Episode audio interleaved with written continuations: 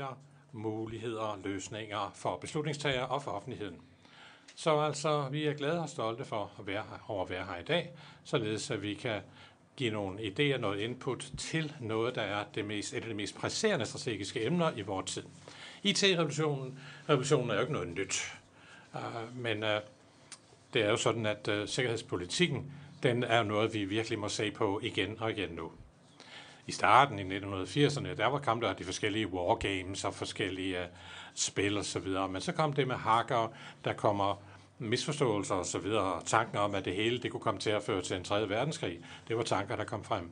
Så havde vi Como 80, og helt tilbage, øh, jeg kan huske alt det, der blev udviklet lige i starten, sammen med venner, som nu har deres egen IT-selskaber. Der gik vi i gang med, ja, der var tusind sider med koder, bare for at spille uh, på, en, på en del øh, af PC. Det var det, der skulle til dengang. Sådan var det jo i starten. Men øh, cirka 81, der var der en øh, artikel om en teenage hackergruppe, som øh, lavede noget hacking over for Pentagon. Altså, det er lang tid siden, og alt, der har at gøre med computere, ja, det er jo noget, der man kunne kalde hyper-nostalgi, øh, når vi ser helt tilbage til den tid. Men altså, det er jo sket, så der er gået så meget. Det går så hurtigt nu. Øh, vi er på så meget højere niveau, end vi var dengang. Men alligevel, så er det vigtigt at starte konferencen.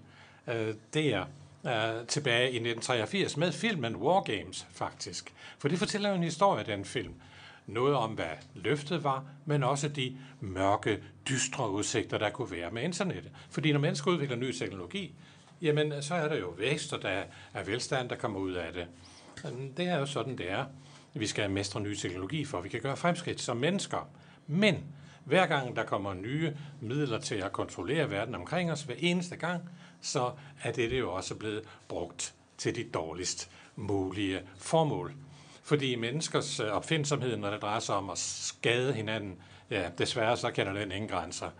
Og det er jo desværre derfor, at vi sådan ligesom er blevet øh, slået sammen i stammer, i samfund, i alliancer, for at beskytte os som samfund over for dem, som bruger de nyeste former for spyd, kanoner og missiler. Og det er jo cyber. Så altså, det er derigennem, det sker. IT-revolutionen, også inden for erhvervslivet, har givet os den største udvidelse af den globale økonomi i menneskehedens historie. Men uh, The Internet of Things er jo noget, der bare det er jo ikke kun et spørgsmål om at kunne styre uh, aircondition et eller andet sted. Nej, det er også noget med adgang til information. Det går væk fra det private, fra familien over til stater, demokratiske eller ikke demokratiske, som vi har set med den kinesiske overvågningsteknologi, som har udviklet sig. Som filmen War Games viste dengang, øh, så er det jo sådan, at selve krigens natur kan også ændre sig. De gamle krige, hvor man skød på hinanden, ja, det er jo ikke længere analogt. Det bliver mere og mere digitalt, selvom der jo også stadigvæk vil være stål mod stål, menneskeligt blod og stater mod stater på en slagmark måske. Men øh, det er bredere. Det er bredere fænomen. De konflikter, øh, der kan være mellem menneskers samfund, der kan man sige, at det er, har ændret sig rigtig meget igennem cyberspace, som det femte formelle øh, efter land, øh, hav, øh, luft og, og rum. Så er det det femte domæne, kan man sige. Hvad krig er? Hvad betyder konflikten? Ja, altså, det er så, det er så forvirret, når man taler om cyber. De her daglige cyberangreb, det er jo en del af den naturlige, af den nationale sikkerhed, men er det krig? De angreb, der sker i det daglige, mm, det med at være hacker, skal vi definere det som en krigshandling? Hvordan skal vi som demokratiske samfund reagere på aggression online? Hvor kan vi afskrække inden for dette femte område, så vi kan beskytte vores borgere, vores regeringsform, statsform og vores levevis? Der er mindre gensidig tillid mellem stater. Øhm, så globalisering som noget, der skulle skabe orden, det er eroderer. Nej, stormagterne de kæmper også inden for cyberområdet. Så hvordan kan de små lande så analysere det? Hvordan kan vi tilpasse os denne situation? Og det er det, som er baggrunden for den offentlige høring her i dag. Vi skal mere klogere, og derfor har vi til rigtig mange kloge folk. og de vil komme med argumenter, og der er også mulighed for at stille spørgsmål, så man kan så deltage i debatten. Lad mig lige løbe igennem programmet, hvordan det er bygget op her i dag. Det er den her bog, Understanding Cyber Security, Emerging Governance and Strategy. Den er skrevet og redigeret af Gary Sharp uh, øh, Jr., som er hos os i dag, som har redigeret den, og han kommer også med et indlæg. I konferencematerialet, som ligger på stolen, der ligger der også flere oplysninger om den bog. Og der har vi også en oversigt øh, over vores taler. Gå ud og snak med talerne i pausen, også ved receptionen, som er efter høringen har senere på eftermiddagen. Og tage endelig øh, del i debatten, når der er mulighed for spørgsmål og svar. Der er to. Vi har opdelt det i to dele i dag. Første halvdel, der vil vi prøve at diskutere, hvad militær cybersikkerhed betyder ud fra et globalt strategisk perspektiv. Stormagternes konkurrence, hvordan spiller det ind over for trusler? Hvordan kan vi forestille os, hvordan den fremtidige krigsførelse vil være, hvis den er digitalt drevet? Og hvad er der anderledes ved strategi og militære anlægner, når vi går ind i cyberområdet? Hvis der er noget, der er anderledes, hvad er kendt, og hvilke dynamikker er nye? Skal vi have et nyt sprog til de nye opgaver, de nye ting, vi skal kunne? Så altså, vi får mange amerikanske input her i den første del, men spørgsmål og svar, der kan man jo stille spørgsmålene, hvor man, hvor man vil. Det er altså det første. Det er, det er, hvor små lande befinder sig i det globale. Efter pausen, der skal vi tale om, hvad skal vi så gøre? Hvad skal vi gøre ved det? Hvad skal vi gøre ved den nye dagsorden? Der prøver vi så at identificere tendenser. Hvad har man lært i mindre lande, når de har tilpasset sig øh, de udfordringer, der er i forhold til den militære cybersikkerhed. Vi ser også på konklusioner, der kunne være relevante for Danmark, som man har truffet rundt omkring. Og der, der kan man altså også stille spørgsmål. Når vi når dertil sidst, men ikke mindst, så håber jeg, at øh, da vi nu er samlet her i dag her i hjertet af det danske demokrati, at vi ikke kun ved at drøfte og analysere strategiske anlægner med problemer og løsninger, men også virkelig holde øje med, hvad det betyder for demokratiet med vores valg. En politisk debat skal også dreje sig om tilsyn for parlamentet, og der skal være plads til øh, at overveje de udfordringer og de løsninger, vi står overfor. Så igen, endnu en gang, formand, tak fordi vi måtte holde mødet her i dag. Tak for hjælpen. Øh, og dermed giver jeg ordet til Nasser Kader som formand for udvalget. Værsgo.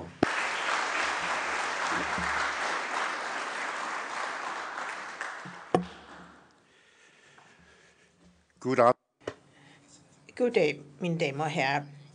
På vegne af Folketingets folk- forsvarsudvalg er det mig en stor glæde at ønske jer alle velkommen til Christiansborg og Folketinget. Forsvarsudvalget er meget glad for at være vært ved dagens konference, hvor vi vil fokusere på militær cybersikkerhed, som er en af de største militære udfordringer, vi står for nu og vi står for i fremtiden. For ikke så mange år siden var cyberkrig noget, man forbandt med science fiction film. For de fleste mennesker var det urealistisk at tænke sig, at man ville gå i krig bevæbnet med PC'er, tablets og bærbare. Men nu ved vi, at det rent faktisk er virkelighed.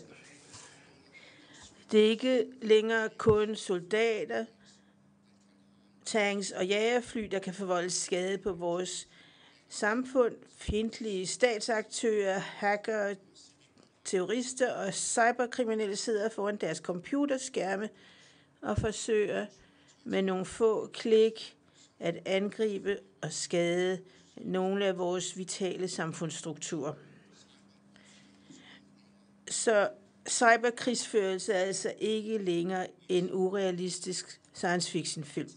Den er virkelighed. Internettet og udviklingen af informationsteknologi har ændret vores levevis og også moderne krigsførelse. Derfor vil jeg gerne sige mange tak til Center for Militære Studier for at have taget initiativ til denne konference. Vigtigheden af at tage de udfordringer op, der ligger i de forskellige cybertrusler, kan ikke undervurderes. Trusler for cyberspace har nogle alvorlige sikkerhedsmæssige og samfundsmæssige konsekvenser, og udfordrer vores demokratiske systemer. Det danske samfund er et af de mest IT-baserede i verden. Offentlige myndigheder og private virksomheder er tæt forbundet digitalt, både med hinanden og med resten af verden. Det er en tendens, der vil blive forstærket i højere og højere grad i mange år ud i fremtiden.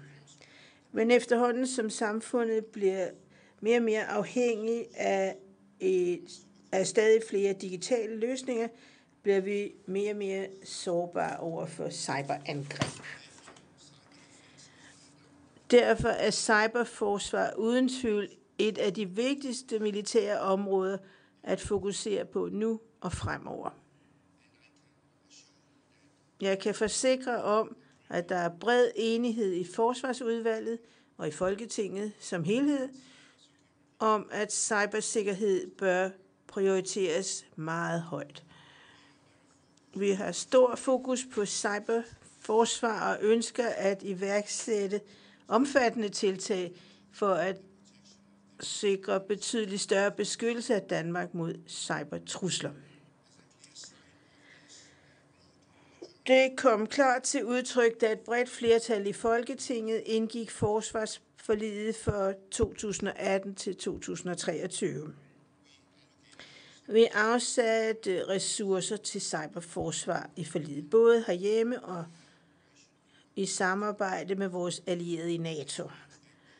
Det betyder, at vi har styrket det nationale center for cybersikkerhed for at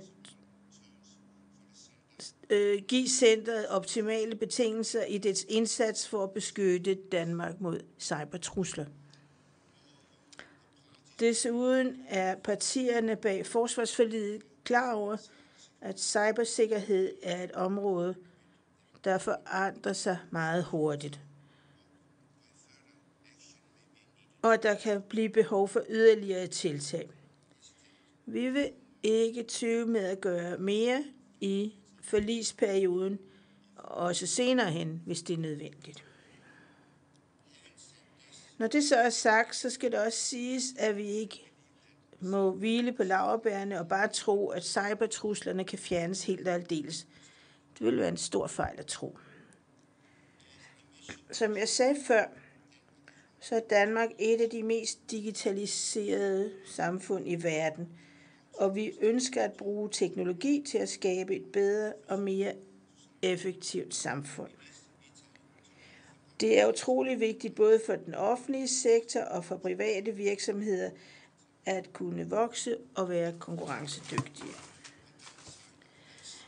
Bagsiden af det her er, at der er nogle aktører, der også ved, hvordan man bruger teknologien. Det bør dog ikke afholde os fra at drage fordel af de muligheder, teknologien giver os. Men vi skal ikke være naive, og vores samfundsopgave er at gøre det så svært som muligt for de ondsindede at skade os. Cybersecurity er uden tvivl en af de vigtigste og mest udfordrende øh, problemstillinger på forsvarsområdet, både i vores tid og nu og her og i den nærmeste fremtid. Jeg håber, at dagens konference vil lære os noget og måske give os nogle svar på, hvordan vi kan takle udfordringen. Jeg ser frem til at høre talerne og se præsentationerne fra de inviterede eksperter. Vi er glade for, at i har taget jer tid til at komme her i dag og dele noget af jeres viden med os. Til slut vil jeg igen gerne på vegne af Forsvarsudvalget hilse jer alle velkommen til Christiansborg og Folketinget. Jeg ser frem til en interessant eftermiddag. Tak.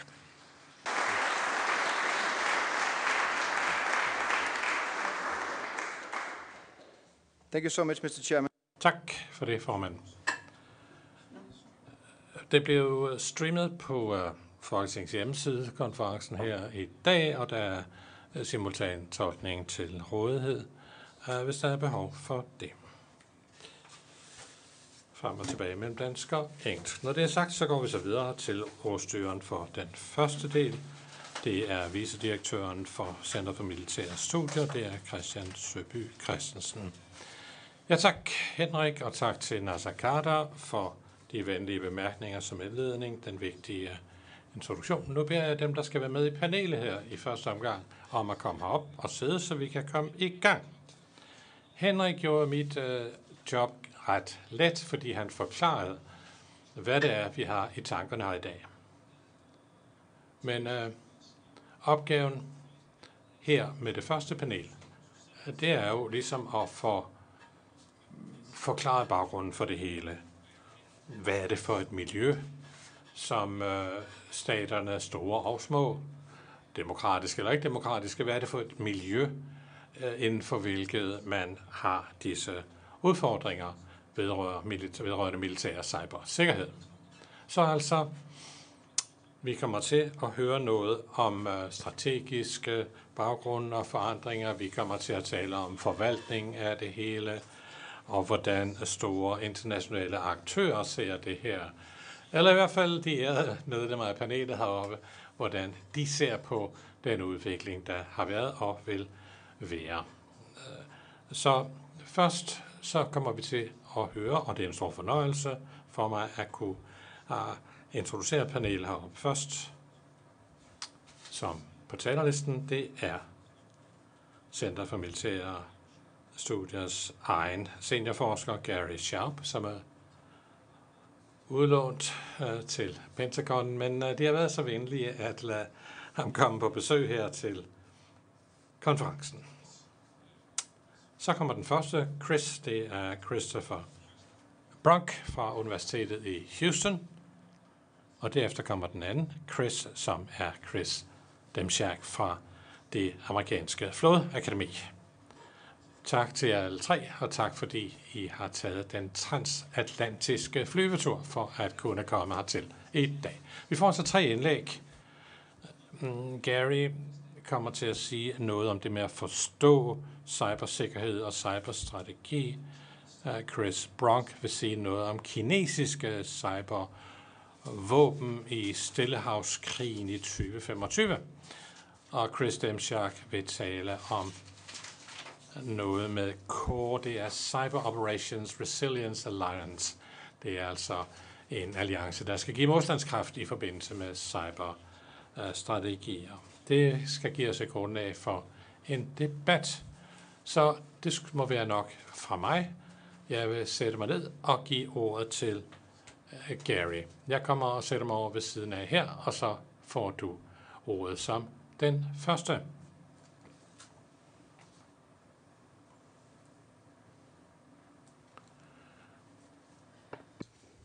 Fantastic. Technology is a wonderful thing.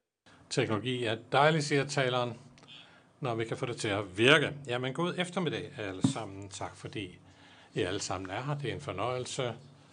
Og også uh, tak til formanden for Forsvarsudvalget her i Folketinget. Tak fordi du har taget dig tid til at komme her og uh, lytte til, hvad vi måtte have at sige. Og øh, jeg tror og håber, der er noget af det, som du vil finde værdifuldt. Og der sidder også andre medlemmer af Forsvarsudvalget. Tak også til jer. Først der skal jeg jo øh, sige, at øh, det er jo kun mit egen holdning, jeg giver udtryk for. Jeg taler ikke på vegne af den amerikanske regering eller det amerikanske forsvarsministerium. Bare, øh, det er jeg sikker på, at juristerne i lokale vil sætte pris på, at jeg husker at sige. Nå, men uh, nu har jeg jo ikke haft mulighed for at læse den her bog endnu, Understanding Cybersecurity. Uh, så jeg vil lige sådan give lidt uh, baggrund og så sige lidt om, hvordan indlæggene har de ved, hvad det er, de vil tale ligesom ud fra. Først vil jeg sige noget om cyberdomænet. Ja, det er jo, ja, hvis vi er med The Matrix, så kan det være, at det findes, ellers så findes det jo ikke rigtigt i virkeligheden. Men altså, det er der jo, det er en del af, af det, der er vigtigt for sikkerheden og for befolkningen. Og så vil jeg sige noget om, hvad der er vigtigt nu hvor Danmark øh, overvejer at indføre en omfattende cyberstrategi som en del af forsvarspolitikken politikken. Først noget ganske enkelt. Det er jo, at uh, som Henrik Breidenbach sagde til indledning, så kender vi jo alle sammen det her med cyber. Det er, som han sagde, tilbage fra begyndelsen af 80'erne. Han nævnte filmen War Games, The Net, også fra 90'erne, den film. Også film, vi ser i dag, også tv-programmer og så videre. Det eneste program ser ud til at have en hacker, der ligesom bryder ind i et eller andet system, så resten af teamet, de kan gøre et eller andet. Det kender vi udmærket. Men øh, det er jo ikke, øh, at vi ser om det, det betyder ikke, at vi forstår det. Der er jo en kæmpe infrastruktur af teknologien, som gør, at vi kan kommunikere effektivt på tværs af planeten med lynens hastighed. Og hele den infrastruktur, hele den, det domæne er jo menneskelavet. Hvad betyder det? Det betyder, at når der kommer nye server, nye computere, nye forbindelser, der skabes nye domæner, der etableres, så er det sådan, at øh, formen, dybden, bredden af domænerne ændrer sig. Det er ikke ligesom jorden. Ja, det kan da godt være, at man forsvunder den uh, forsvundne verden i jordens kerne et eller andet sted, men altså den fysiske verden, den kender vi udmærket. Vi ved godt, hvordan jorden ser ud. Men cyberverdenen, den forandrer, den forandrer sig hele tiden. Det betyder, at det kan bruges taktisk, strategisk, operationelt på nye måder hele tiden. Ja, vi siger jo, at der er fire lag i cyberspace, som har en indvirkning. Det første, det er den grundlæggende infrastruktur, ikke sandt? Den der smartphone, der ligger på bordet, eller den tablet, som Chris lige har taget frem, computeren, og forbindelsen mellem alle de her ting. Og så er der så den syntaks, gennem hvilken de taler med hinanden, hvordan de udveksler oplysninger, på i standardiserede pakker af data. Det tredje, det er det semantiske. Det er det, vi ser. Det er jo indhold. Det er det, mennesker kan forstå, når de ser på en skærm. Læser ordene. Vi ser jo ikke tallerne og nullerne, men vi kan jo se, hvad der kommer ud af det. Vi ser de informationer, de data, som kommer frem på skærmen. Og så endelig det fysiske. Ja, det er jo så de elektromagnetiske uh, signaler, der går til at bære oplysningerne. Og når man ser på cyberstrategi, i hvert fald som vi ser det nu, så er det sådan, at de to første lag her er meget vigtige. Infrastrukturen og syntaksen. Kan man kontrollere infrastrukturen, så kan man også kontrollere syntaksen.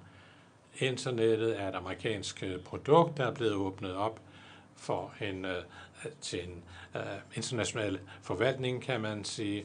I 90'erne, det var Clinton, og det udviklede sig jo, som vi ved, som Henrik var inde på tidligere, ja, så blev det jo noget, der ligesom har givet mulighed for den største globale ekspansion af økonomien, nemlig globaliseringen af økonomien, og mange andre ting fulgte med. Og som en del af det var det jo et produkt af, at øh, USA havde ligesom øh, tilsyn eller overherredømme med systemet, men efterhånden, som nye generationer af teknologi kommer ind, måske fra den fjerde til den femte generation, Måske så kan det være, at der er andre aktører, som kan komme ind og sætte standarderne for, hvordan tingene taler med hinanden. Og det er derfor 5G er sådan et vigtigt emne. Og det er noget, der også bliver sagt mere om i dag. Nogle af de udfordringer, der findes på grund af det her nye domæne, det er jo omfanget. Det er jo globalt, det er jo næsten uendeligt. Størrelsen af internettet fordobles. Ja, jeg ved snart ikke, hvor hurtigt det går, men det indhold, der er på internettet, det ekspanderer eksponentielt. Over halvdelen af planetet er nu på internettet på den ene eller den anden måde. Og det er jo aktører af alle former, af alle steder, som formanden sagde. Der er også nogen, der har ondt i sinde. Øh, og det, som øh, bekymrer dem, der ser på det, det er, det er jo oprindeligt blevet lavet som noget liberalt, demokratisk, ideologisk, hvad skal man sige, tilgang til verden, kan man sige, ikke? hvor formålet var, at alle skal kunne kommunikere med hinanden. Det er åbent, der er let adgang, vi ønsker at dele. Sikkerhed var ligesom en eftertanke. Det var noget, der kom bagefter. Noget, der blev tilføjet. Og, og så skulle man hen og lappe på sikkerheden. Og det er vanskeligt, fordi internet efterhånden, som det er vokset, når de menneskeskabte domæner har udviklet sig, jamen så er nye teknologier blevet integreret oven på gamle teknologier, og de forbindelser, der er der, kan give mulighed for lækager. Ikke sandt? Der kan gå kiler ind, øh, og det, som kan være en udfordring for sikkerheden. Det her kommer til at fortsætte, det fortsætter allerede. Øh, det er jo både militære hardware og militære systemer også. Desværre er det sådan, at os, der bruger det, vi tænker jo, når ja, vi bruger de informationssystemer hver eneste dag. Vi forstår godt det med cyberhygiejne. Vi ved godt, vi skal ikke øh, svare på den e-mail fra prinsen fra Nigeria, der tilbyder os øh, en masse guld. Men alligevel er vi faktisk øh, meget naive. Der blev lavet en lille undersøgelse af hackere øh, for nu, hvor det var, hvor det skete en, øh, der blev sendt en e-mail, som så ud, som om det kom fra internt i virksomheden. Over 50 procent af medarbejderne i virksomheden havde installeret denne malware, altså den ondsindede software. Og da dagen var ved at være slut, så jeg næsten 100% klikke på det. 50% i første omgang, og næsten 100% i den virksomhed. Og dermed så var det jo... Øh, det er mennesker, der er svagheden i systemet, kan man sige. Og det er udfordringen. Det med den øh, prinsen fra øh, Nigeria, så er det jo svært at vide, hvem det er. Det er svært at gøre noget ved vedkommende, At kunne straffe vedkommende, eller ligesom gøre nogen form for genkaldelse. Så det koster dem stort set ingenting at gøre det der, sende sådan nogle e-mails. Så passivt forsvar bliver den måde, hvorpå de, meste, de fleste systemer fungerer. Prøver at holde de systemer, de har, sikre. Desværre, jamen, øh, så giver det mulighed for modstanderen, fordi det kræver mange ressourcer. Alle skal have træning og uddannelse hele tiden i cybersikkerhed, fordi cybersikkerhed er menneskelig sikkerhed. Vi skal alle sammen tænke over, hvad det er, vi gør hele tiden, og det er svært. Vi laver alle sammen fejl. Vi lader os alle sammen, øh, ja, det er, der er de syv dødsønner, og det kan være, at jeg er heldig.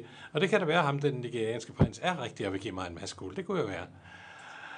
Nej, men på grund af det, øhm, og på grund af noget andet ved domænet, så er det sådan, at øh, det er diffust. Virksomhederne er forsinket, og skaden er ikke umiddelbart at se. Jeg er sikker på, at halvdelen af de telefoner, hvad I sidder med her, halvdelen i det her lokale, har været ramt af malware, af ondsindet software. Eller er det måske nu? Det er svært, fordi det bliver en overraskelse, der åbner sig et eller andet dag. Øhm, det åbner på et eller andet tidspunkt, og så giver det et problem og tænk på den strategiske indvirkning, det kan have. Vi kan tænke på eksempler på mange forskellige områder, hvor den politiske beslutningstagning i store lande, små lande, har været påvirket af cyberaktører. Om det var nogen, der arbejdede på det syntaktiske eller det semantiske niveau, om de ændrede oplysninger på Facebook, eller de fungerede som hacker i selve øh, computerne. Men øh, nu hvor Danmark begynder at tale om en omfattende cyberpolitik og strategi, så lige nogle ting, man så måske kan overveje i den forbindelse. Og øh, det er også noget, som Chris, Chris og Christian vil komme til at sige noget om.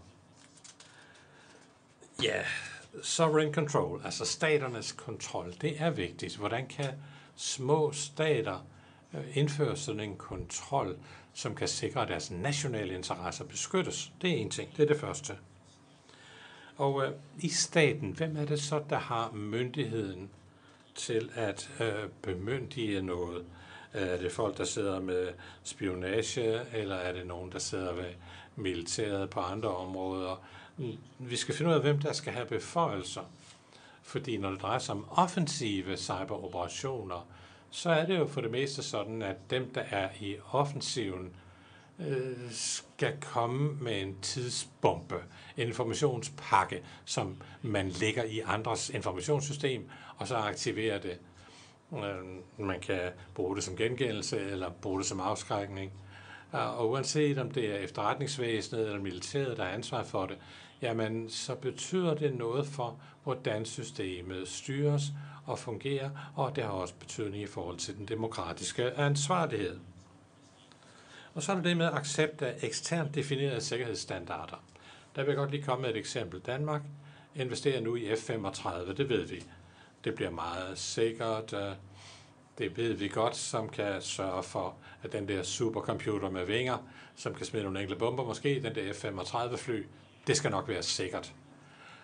Hvis der er et brud i den sikkerhed, så er det jo sådan, at hele det netværk, som F-35 er en del af, bliver skadet. Og det er derfor for eksempel Tyrkiet er blevet sparket ud af det program, fordi det er blevet en sikkerhedsrisiko. Og øh, jeg vil bare sige, tillad ikke noget lignende. Bare fordi man øh, overser noget, overser mulige revner i systemet, det skal man ikke tillade kommer til at ske. Og øh, det er jo fejl, der kan ske, fordi små stater har en begrænset arbejdsstyrke. De her, man kan sige, hvor, hvor er pipeline for de her teknikere, de her strategikere? Skal de komme fra universitetet? Skal de komme fra verden, fra Danmark? Hvordan får man de bedste ind, og hvordan tjekker man dem? Hvordan træner man dem? Hvordan opgraderer man dem, når de, så de har de færdigheder, der skal til? Fordi øh, det er ikke øh, nødvendigvis det med at arbejde for staten. Det er måske ikke noget, der er så økonomisk givetigt som arbejde for private virksomheder. Hvordan sikrer man sig, at man får de bedste folk? Og så er der det altså med den menneskelige sikkerhed, og det med insider-trusler. Det kan være manglende kompetence, og det kan være ondsindighed. Der er ikke så mange Edward Snowdens derude. Han troede, han gjorde noget godt, men han har faktisk gjort stor skade. Det var det, der hedder malevolence her, det vil sige ondsindede handlinger. Og det kan jo så være nogen, der ved et uheld kommer til at gøre noget, faktisk en hel masse. Og det er sådan nogle ting der, som en omfattende cyberstrategi bør overveje. Og så lige en sidste ting for mit vedkommende. Ja, man skal bruge for, man skal bruge for at have noget modstandskraft. Og man skal tænke over de mulige scenarier. Øh, der er mange aspekter i den kritiske infrastruktur, hvis de bliver sat ud af kraft, lad os sige lys, kraftværker, vand, hospitaler, bankvæsenet, hvis de går ned alle sammen. Lad os sige, der er en kanal, der fungerer, Twitter for eksempel. Hvordan, hvor let vil det så være for dem at, at sørge for også at styre den ene øh, vej, for eksempel også Twitter. Det kan være et betydeligt problem i en krise. Hvis nogen får noget til at bryde ned, så kan de måske også få andet til at bryde ned. Og det er noget, man i virkelig bør tænke meget nøje over. Tak for opmærksomheden. Thank you so much. Tusind tak, Gary. Nu går vi straks videre til Chris Brunk. Og jeg giver ordet til dem sammen. Ja, tusind tak, og tusind tak, herr formand, for at invitere os til at komme her til København i dag. Også til, jeg siger, takker Henrik og Gary i CMS for at invitere mig. De skal også have en tak. Og helt på et personligt plan vil jeg gerne takke Danmark som land. Min far kom hertil på et udviklingsprogram, eller et udvekslingsprogram for mange år siden. Og det forandrede ham for altid på mange niveauer, på mange planer. Så jeg vil gerne takke det danske folk for at have givet min far så stor en glæde i sit liv og i sin karriere. Tak for det. Men hvorfor er jeg her? Ja, Gary bad mig om at komme for at fortælle om en artikel, jeg har skrevet. Altså, når forsvarsbyråkrater beder en om at gøre noget, så siger de, vi vil selvfølgelig notere det ned her. Vi har noteret, hvad du har sagt, men hvad øh, tænker du om cyberkrig, med, og hvordan og Kina, hvordan har det påvirket det hele? Vi har brug for at se på nærmere scenarier. Og jeg vil gerne bede jer om at se på New York Times. Jeg er liberal for USA. Men her i dag var der en artikel om det nationale sikkerhedsagentur, og der blev det fremhævet specielt, at der er behov for at være kreativ. Og det er det, jeg ser som vores største problem inden for cyberkriminalitet, fordi de andre er utrolig kreative, de gør utrolig smarte ting. Og jeg ser ofte, at folkene i forsvaret ikke har været inspireret, og de er egentlig ikke interesseret, og de bliver ofte slået på stregen. Så hvis angriberne i, på et, øh, et, et af de her baseballhold ikke klarer sig, Ja, det var en joke, der måske ikke lige kunne overføres, men der var der nogen, der forstod den. Men hvis der kommer en ny krise mellem USA og Kina eller Asien i fremtiden, det kan jo godt ske. Hvilke cyberangreb vil så have den største påvirkning i en krise? Hvis nu Kina vil nedlægge Taiwan, for eksempel, eller et andet område i det østlige Asien, så skal man forestille sig, at man har en, øh, øverstkommanderende øverst kommanderende militæret, man har nogle gode øh, piloter osv. Men hvis man nu ikke kan få påfyldt brændstof på flyene, fordi man har taget noget ud af det system, man tidligere brugte. Men det er det, vi skal holde os for øje, når vi ser på cyberscenarier. Altså, vi skal se på det i et helhedsperspektiv. Vi skal ikke kun se på de enkelte dele. Ja, kan det ske? Hvad med F-35? er der? De er afhængige af den kode, der er programmeret. F-35 er en kæmpe computer på vinger, og en gang imellem, så smider den nogle bomber. Ja, men vi skal jo se på den lyse side. Det, men det er altså en meget kompleks maskine. Og de her maskiner skal fungere i et område, hvor der kan bruges øh, cyberaktiviteter til at skabe forstyrrelser og manipulere. Altså, jeg har ikke tid nok, men jeg mener alligevel, at man i Pentagon sagde, at øh, det er noget, vi kan se nærmere på 2020-2025. Og nogle af mine kollegaer har klaret det meget godt, og de har sagt, at hvis der kommer et cyberangreb, så vil der blive skabt et landskab, hvor man skal kunne skabe forandringer hurtigt, at et cyberangreb kan øh, vælte balancen. Der er forskellige ting, der kan ske. Spoofing for eksempel. Det er alt sammen problemer, der er reelle nok. Og nu vil jeg gerne øh, komme med et par bemærkninger om, at Danmark er et lille land, men hvad kan Danmark så gøre? Men jeg vil gerne fremhæve, at forandringerne sker meget hurtigt.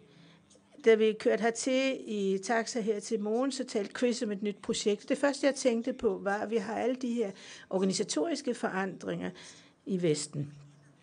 Men, men alt forandrer sig, når vi taler om cyberspace, og det er en grundlæggende realitet, som vi skal holde os for øje. For cyberspace er en forbindelse mellem mange milliarder enheder, og vi taler om den mest succesrige globale protokol i verdenshistorien. Jeg har en adapter derhjemme, der fortæller mig det. Og jeg får bytes meget hurtigere, end jeg får elektricitet her i landet. Så det er altså noget, der er spredt sig rundt til alle dele af verden. Men hvad sker der så? Vil internettet ændre sig med tiden? Ja, vi hører jo altså, at internet er en trussel. Det kan godt være, men måske er det ikke. Det er, ikke, det er jeg ikke så sikker på, men jeg er sikker på, at vi i øjeblikket har nogle rigtig gode standarder. En stor del af drøftelsen fokuserer på 5G, og hvad er det så? Ja, det er rigtig hurtige, hurtige telefoner, så jeg kan sportsudsendelser meget hurtigere og bedre på min telefon. Og der er en øh, milliard industri, der er involveret i alt det her.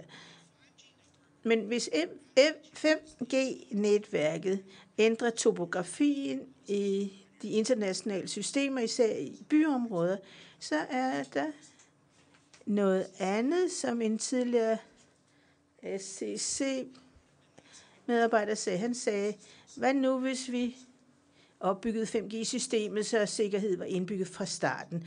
Og så sagde de, nej, det gør vi ikke, for der vil være konkurrerende systemer for forskellige lande. Og de vil alle sammen være med. Det er ikke amerikanerne, der kommer til at lave den, fordi det er ikke amerikanske virksomheder, vi taler om. Men den amerikanske regering vil opfordre jeres land til at købe en infrastruktur til 5G. Men de kan jo ikke opfordre til at købe for et amerikansk selskab, for en sådan selskab, hvis ikke vi taler om Nokia, Ericsson eller det her tredje selskab, som jeg vil sige mere om om lidt. Det andet, jeg gerne vil sige, er, og det fører videre til det næste panels emne, hvad kan små lande gøre? Jeg lever for Israel fortælle, hvad små lande kan gøre til virkelig at komme frem med fuld styrke.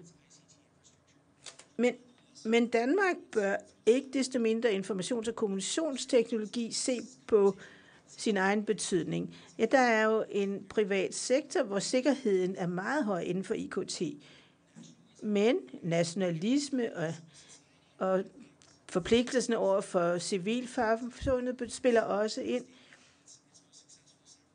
Vi har set, at øh, de mest succesrige hacker i Rusland er statsaktører. Og vi har også set, at der kommer en masse på Twitter, Facebook osv., så, videre. så vi kan se, at der er masser af dyre biler rundt omkring, som bruges af cyberkriminelle, som arbejder for virksomheder. Men de vil da godt lave lidt ved siden af også. Så der er mange forskellige måder, vi kan angribe talentproblemet på. Danmark er en vigtig spiller i globaliseringen. Og fordi i Danmark sætter man standarder. Vi går ud i verden, eller I her i Danmark går ud i verden og siger, sådan er vi, gør vi det. Og I har jo en stor bioteknologisk industri her. Og hvordan kan I så sikre sikkerhed inden for medicinske anordninger osv.? Det er alt sammen noget, Danmark kan have stor betydning indenfor. Og endelig så vil jeg gerne afslutte med nogle tanker om det selskab, alle ved, jeg vil tale om. Jeg er ikke særlig vild med Huawei, og det er der en lang række grunde til.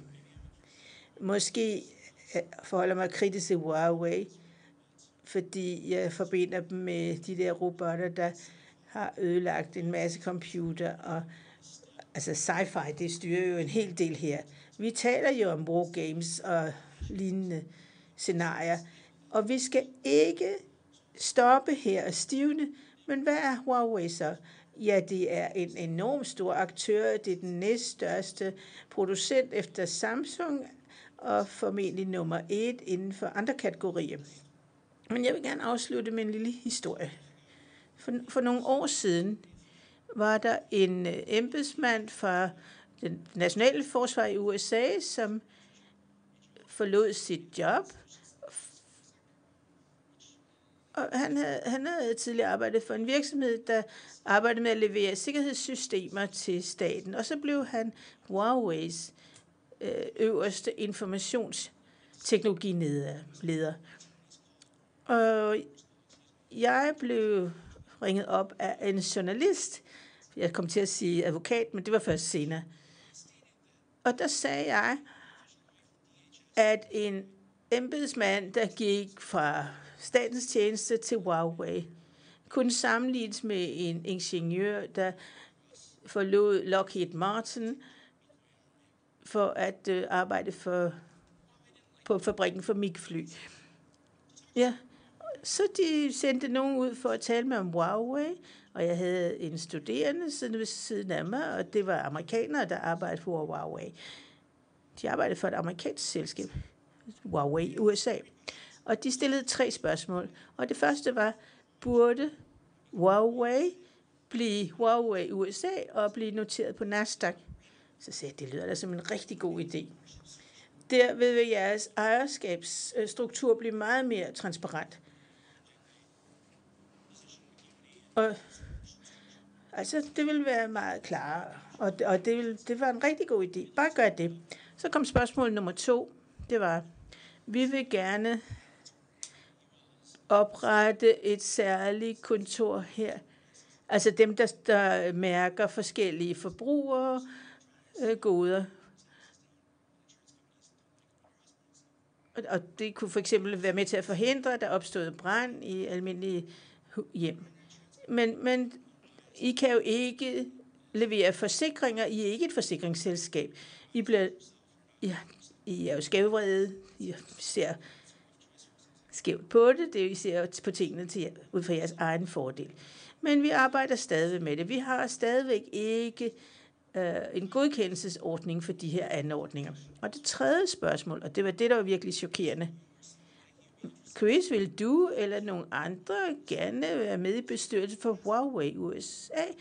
Når vi går ind på Nasdaq og bliver noteret det, så sagde nej, jeg er universitetsprofessor. Skulle jeg arbejde for sådan et selskab? Det må jeg lige vente til om. Og så lå de. De havde ikke forventet den reaktion. Men det er den erfaring, jeg har med Huawei. Men jeg så jo et stort øh, skilt derovre, og noget af det første så, da jeg gik ud af flyet, var, at jeg skulle købe et wow, en Huawei-telefon. Og jeg tror altså, at Huawei har prøvet at ændre min mening. Og det bør I altså også tænke på, når jeres land skal se på, hvem der skal have det næste netværk. Fordi der vil være så mange data på det netværk. Og det vil gå langt ud over jeres bærbare og jeres tablet. Der vil komme nye anordninger, som kommer ind under deres kontrol. Det kan være robotter for eksempel. Og hermed slutter jeg.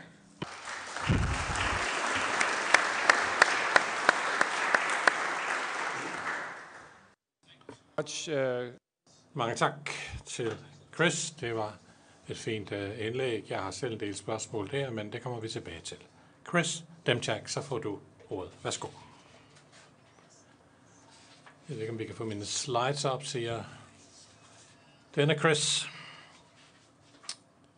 Tak til formanden og udv- udvalget og Center for Militære Studier osv. Jeg har ikke været i Danmark de sidste øh, 10 år, men har lige så smukt, som jeg kunne huske.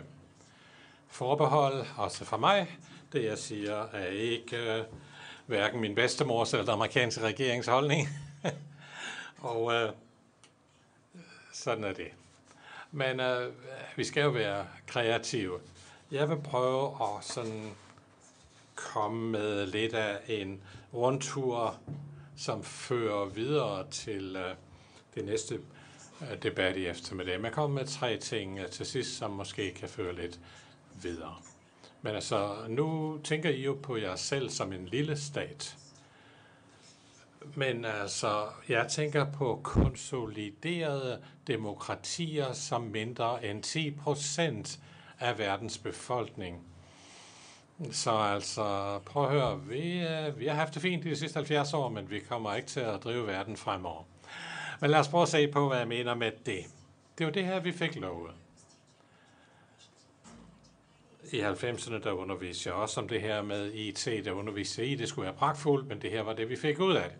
Vi fik ikke nogen global landsby, vi fik ikke universel velfærd og velstand, vi fik ikke nogen verdensomspændende, åben, fri, sikker, demokratiserende internet. Hvorfor? Ja, det er der en række grunde til. Men altså konsekvenserne for os i dag, de konsoliderede demokratier, som jeg kalder det, vi mister 1-2% af vores bruttonationalprodukt hvert år på grund af cyberusikkerhed. Hvordan er det sket? Ja, os, der har lavet alle de her koder, vi har gjort det rigtig dårligt. Elendigt, for at være helt ærlig. Det tekniske udtryk, det er, at det er noget møg, vi har lavet. Men altså, på grund af det, så er det ret let at hacke. Vi har ændret konflikternes art. Før nu, så skulle man næsten være kejser eller øh, ven med en kejser for at kunne gennemføre et angreb. Nu kan man for 500 dollar have sin egen øh, lille her. Man kan sidde fra 500 til 5.000 km væk og angribe folk. Man kan bruge en masse værktøjer. Man kan snyde folk øh, så længe som muligt, og man kan også snyde dem om, hvem du er, og alligevel kan det være, at du vinder. Der er kæmpe cyberusikkerhed, og det giver store tab. Og det tror altså de konsoliderede demokratiers øh, fremtid. Staterne svækkes uden en traditionel krig. Vi tog cyberspace, og så brugte vi al vores øh, teknologi, og så åbnede vi det hele for ondsindede aktører. Nu har vi det, vi kalder en cyberkonflikt. Det går fra fred til krig. Hvis man er dygtig, så kommer man aldrig i krig. Det, øh, så arbejder man hele vejen igennem det, vi kalder den fredelige del, og, øh, og så kan man gøre de andre så svage, man, man, man, man nu kan. Nu taler man om balkanisering. Jamen, det sker allerede. Uh, nu er det blevet til det, man kalder Cyber-Vestfalen. Nu, nu beskytter man og taler man om at beskytte det danske cyberspace. Vi prøver at gøre det i USA. Alle de her forskellige udtryk bliver nu brugt om det, der sker. Det med retsstaterne, ikke sandt? Hvordan går det med det? Det går ikke, fordi vi har ikke transparens, vi har ikke gennemskuelighed med hensyn til, hvad der foregår. Og det er en funktion af det. Og resten af verden er meget øh, uh, autoritær, og de, de er i stigning.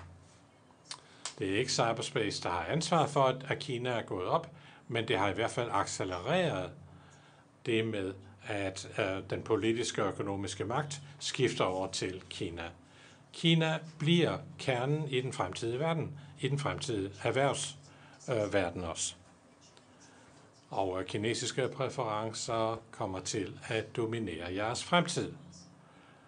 Og lad os øh, være klar over, at det var uundgåeligt. Jeg har arbejdet med sociotekniske systemer. Kina øh, er jo enormt. Det bliver en kerne bare på grund af størrelsen. Tager man et system og lægger det i en sådan kerne som Kina, jamen så breder det sig ud over det hele, selvom det måske oprindeligt ikke var meningen. Inden for de sidste fem år især har vi set enorm hurtig vækst i Kina og fra Kinas side. Det er sammenlignet bruttonationalprodukter og Kina over for USA. Det PPP, øh, det er købekraftpariteter. Og øh, der vil I kunne se 2014, øh, faktisk øh, 30 år før kineserne forventede at være på linje med USA, der var det allerede. Og nu er det foran, I kan se 1,21. Så altså, det er gået meget hurtigere, end vi havde troet. En del af grunden til det er, at de har været utrolige til at uddrage ting fra uh, at få noget ud af. Alt det der, I kender det med teori og så videre, der er sket. Men øh, Israel har også lavet noget forskning, for eksempel, og der er der noget, som man måske ikke kender til.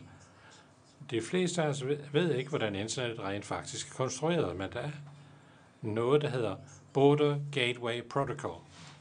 Og det fortæller, hvad ruterne er, hvilke veje din trafik går. Man kan have det krypteret, man kan have alle mulige systemer, men alligevel, så kan din trafik måske gå en anden vej. For de kinesiske virksomheder, det kinesiske telekom, det er måske dem, der i virkeligheden er, de ligger måske på vejen for din trafik. Her, det er fra Canada til Korea. Det var fra i 2000. Det her, det er ikke klassificeret, det er forskning, det er offentliggjort. Sådan her skulle det gå. Information fra Canada til Korea. Men det ramte øh, kinesisk POP, Point of Presence, og så derfra via Kina til Korea. Det betyder, at alt det der, øh, al den der trafik kan, kunne kopiere sig i Kina. Øh, Skandinavien til Japan. Ja, det burde ikke være gået igennem Kina, men tilfældigvis ramte en af de der knudepunkter, og det vil sige, at alt gik igennem Kina. Det samme for banker kan også ske.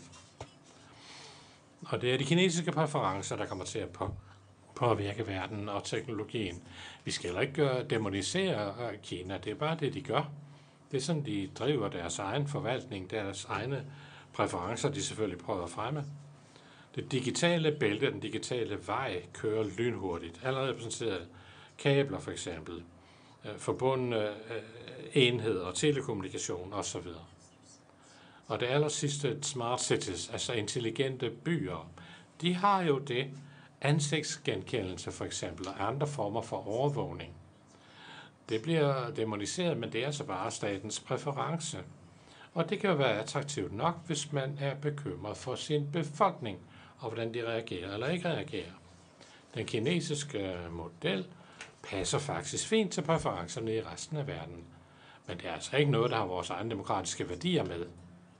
Og den måde, vi driver forretninger foretrækker at drive forretning, er baseret på det. Så uanset hvad man gør, så bliver der konflikter i det.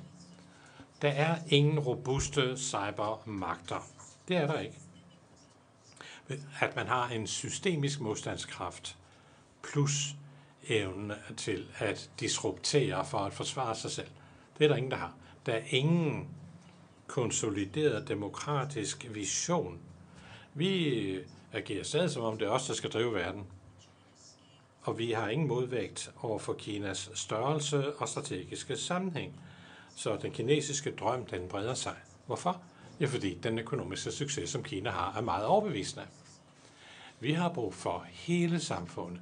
Vi har brug for, og USA har brug for de her ting. Vi skal have vores cybersikkerhed. Vi skal også have vores digitale krigere, som vi ser der i midten. Og vi skal altså også have virksomhederne, telekom og IT-producenter, Det skal altså, det skal altså anerkende, hvordan man gør forretningen i demokratier. Så det her er de tre ting, jeg sagde i starten. Jeg foreslår det, der hedder CORA, Cyber Operational Resilience Alliance, en alliance, hvor vi har modstandskraft øh, over for cyber. Vi skal opskalere, vi skal købe tid, og vi skal transformere teknologien. For det første, vi skal opskalere. Vi skal respektere Kina. Jo, Kina ser sig selv som nogen, der har en naturlig plads i verden på grund af sin størrelse, og vi skal altså have en øh, reaktion på samme niveau. Vi skal have samme skala, samme størrelse. Vi har over 900 millioner i konsoliderede demokratier. Vi kan godt opskalere, og vi har en godt uddannet befolkning.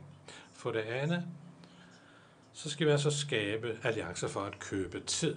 Vi mister, det går, det går tilbage for os lige nu. Altså, vi skal købe tid. Det er ikke noget fort. Nej, vi handler jo med resten af verden, men vi hjælper og forsvarer vores egen IT-teknologi. Der skal vi købe tid ved at gøre det. Og det endelige, nummer tre, hvad skal vi gøre? Vi skal transformere teknologien. Vi er her, fordi vi har lavet noget, som er dårligt sat sammen, internettet. Vi har muligheden for at gøre noget, der fungerer og er sikkert, og er demokratisk og sikrer vores egen fremtidige velstand. Men vi kan kun gøre det, hvis vi gør det sammen i en alliance. Ellers, ja, ellers er der ingen fremtid for demokratiet. Vi er for små, vi ser ikke godt ud, og vi passer ikke på vores eget forsvar. Og for at øh, sige, hvad Ben Franklin har sagt, hvis vi ikke hænger sammen, så kommer vi til at hænge hver for sig. Tak for det.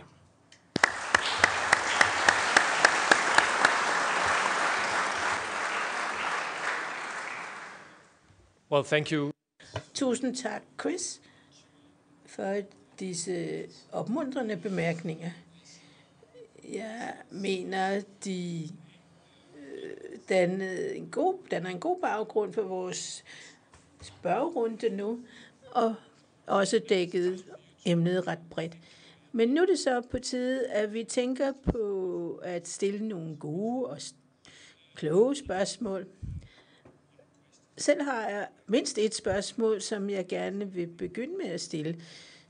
Og jeg vil sige og tro, at hele panelet vil kunne svare på det, men I kan selv afgøre, hvem der skal svare først, eller hvordan I vil fordele spørgsmålene mellem jer. Men da jeg lyttede til jeres øh, indlæg, så opfattede jeg et enkelt tema, som var gennemgående, efter min mening. Nemlig, at det her har noget at gøre med, hvordan vi forvalter en særlig global infrastruktur.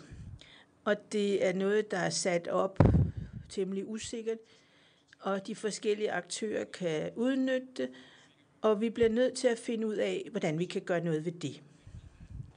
Men vil det ikke uundgåeligt føre til deglobalisering eller afnationalisering eller renationalisering af digitale tjenesteydelser? Det var første del af mit spørgsmål, nemlig at vi vil have de her øh, små øh, digitale fæstninger.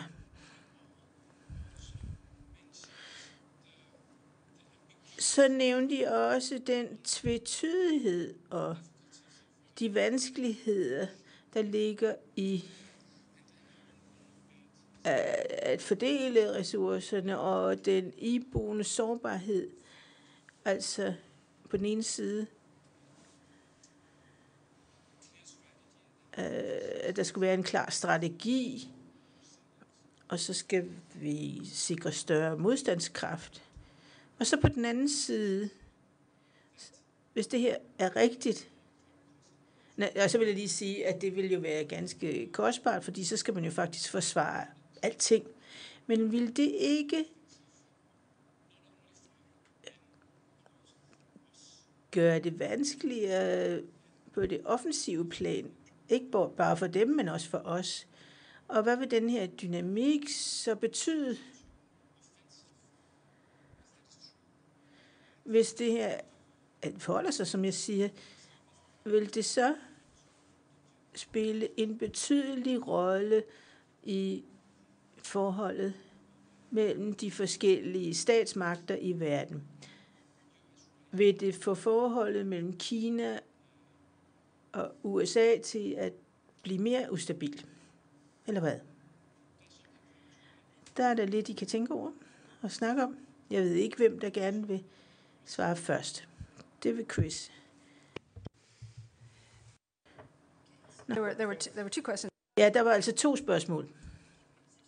Altså deglobalisering. Det er jo allerede noget, der sker her nu. Vi bliver nødt til at tænke på globalisering som noget, vi fandt på og fremmede dengang vi sagde, at den vestlige verden havde vundet. Vi havde vundet den kolde krig, og alle vil komme til at se ud nøjagtigt som os. Og dengang var vi den dominerende økonomi, og så sagde vi, I bliver nødt til at følge vores regler. Men så viste det sig, at der var nogle store aktører, der aldrig stillede op mod os i den kolde krig. Så vi havde en meget mindre andel af verden, end vi troede. Kina var ikke særlig aktiv i den kolde krig, så vi følte altså, at vi ejede verden. Så det var os, der talte om globalisering, gik rundt og sagde, jamen tak for det. Men der var andre, der sagde, at vi har nogle andre forretningsmetoder, og vi er meget glade for at have en, en anderledes verden. Og det skal man altså forstå. Altså det, de kinesiske virksomheder gør mod jer, det gør de også mod hinanden. Så vi kan altså have en globaliseret verden, hvis man er villig til at acceptere de, øh, den form for forretningspraksis. Og jeg mener også, at vi bliver nødt til at forstå, at Kina er temmelig sulten, og vi kommer til at stille den sult meget hurtigere, end vi troede. De er også nervøse, og det er også delvis vores problem. Da Kina kom på internet, sagde at vi kan godt lide jeres øh, økonomi, men vi bryder os ikke om et åbent internet. Vi vil gerne køre vores eget internet. Så sagde vi, nej, nej, nej, det går jo ikke. Det ønsker vi ikke. Vi vil gerne have, at I skal køre det sådan, som vi gør. Og så sagde de, nej, nej, det vil vi ikke have. Men i 2005 havde kineserne fået nok af os. Og fra dag har man kan se, at der blev gjort en stor indsats for at ændre den internationale debat. Vi så, at Kina var aktiv i forskellige internationale organisationer. Vi så, at der skete en stigning i deres styrkelse af deres eget internet. Og det her ser jeg ikke som noget, der vil tage til. Ikke nødvendigvis. Og jeg kan ikke se, at de har lyst til at gå i krig på noget tidspunkt. Det mener jeg ikke, de vil. Og vi ser altså på en verden, som vil se meget anderledes ud i fremtiden. Og vi ved ikke, hvordan det ser ud. Men de vil gerne fortælle os, hvordan vi skal gøre det, så vi skal bare sikre os, at vi er i stand til at sige nej tak. Tusind tak, Chris. Let me just say, Ja, lad mig bare understrege noget, som Chris skrev om i hendes uh, kapitel. Det der med renationalisering, balkanisering af internettet, som det også bliver kaldt. Det foregår i forskellige sektorer i samfundet, især inden for det militære område. Men jeg vil også øh, understrege, at denne balkanisering har været en del af designet. Internettet betyder jo bare, at en samling er en masse intranet. De hænger sammen gennem standardiserede protokoller. De har altid været adskilt af en luftlomme, om man vil eller en luftkløft. Og der er jo øh, nogle systemer, man ikke skal have adgang til, og andre ikke skal have adgang til. Så altså, det er ikke nødvendigvis en dårlig ting. For at tage fat i det, Chris lige var inde på, det er det med, at, at der skal være en alliance af demokratier til at forsvare cyberspace, ligesom at genopfinde det. Renationalisering er måske ikke nogen dårlig idé i den sammenhæng. Snarere end at spille efter Kinas regler, så vil der måske være to store systemer. Et system baseret på frihed og demokrati, og et andet baseret på den kinesiske måde at gøre tingene på. Det er måske godt nok at have to forskellige systemer. Ja, det som Christian var inde på i sit andet spørgsmål, det der med uh, den sårbarhed og hvordan man kan ligesom uh, tillægge ansvar. Ja, i Estland for eksempel, der lavede vi også en case study om et cyberangreb der. Det har der er en stor energivirksomhed, ligesom Mærsk, men en stor energivirksomhed i Estland, uh, i Ramco hedder de, og så de var i gang med et kæmpe skift. Og øh, det var ikke rigtig blevet færdiggjort.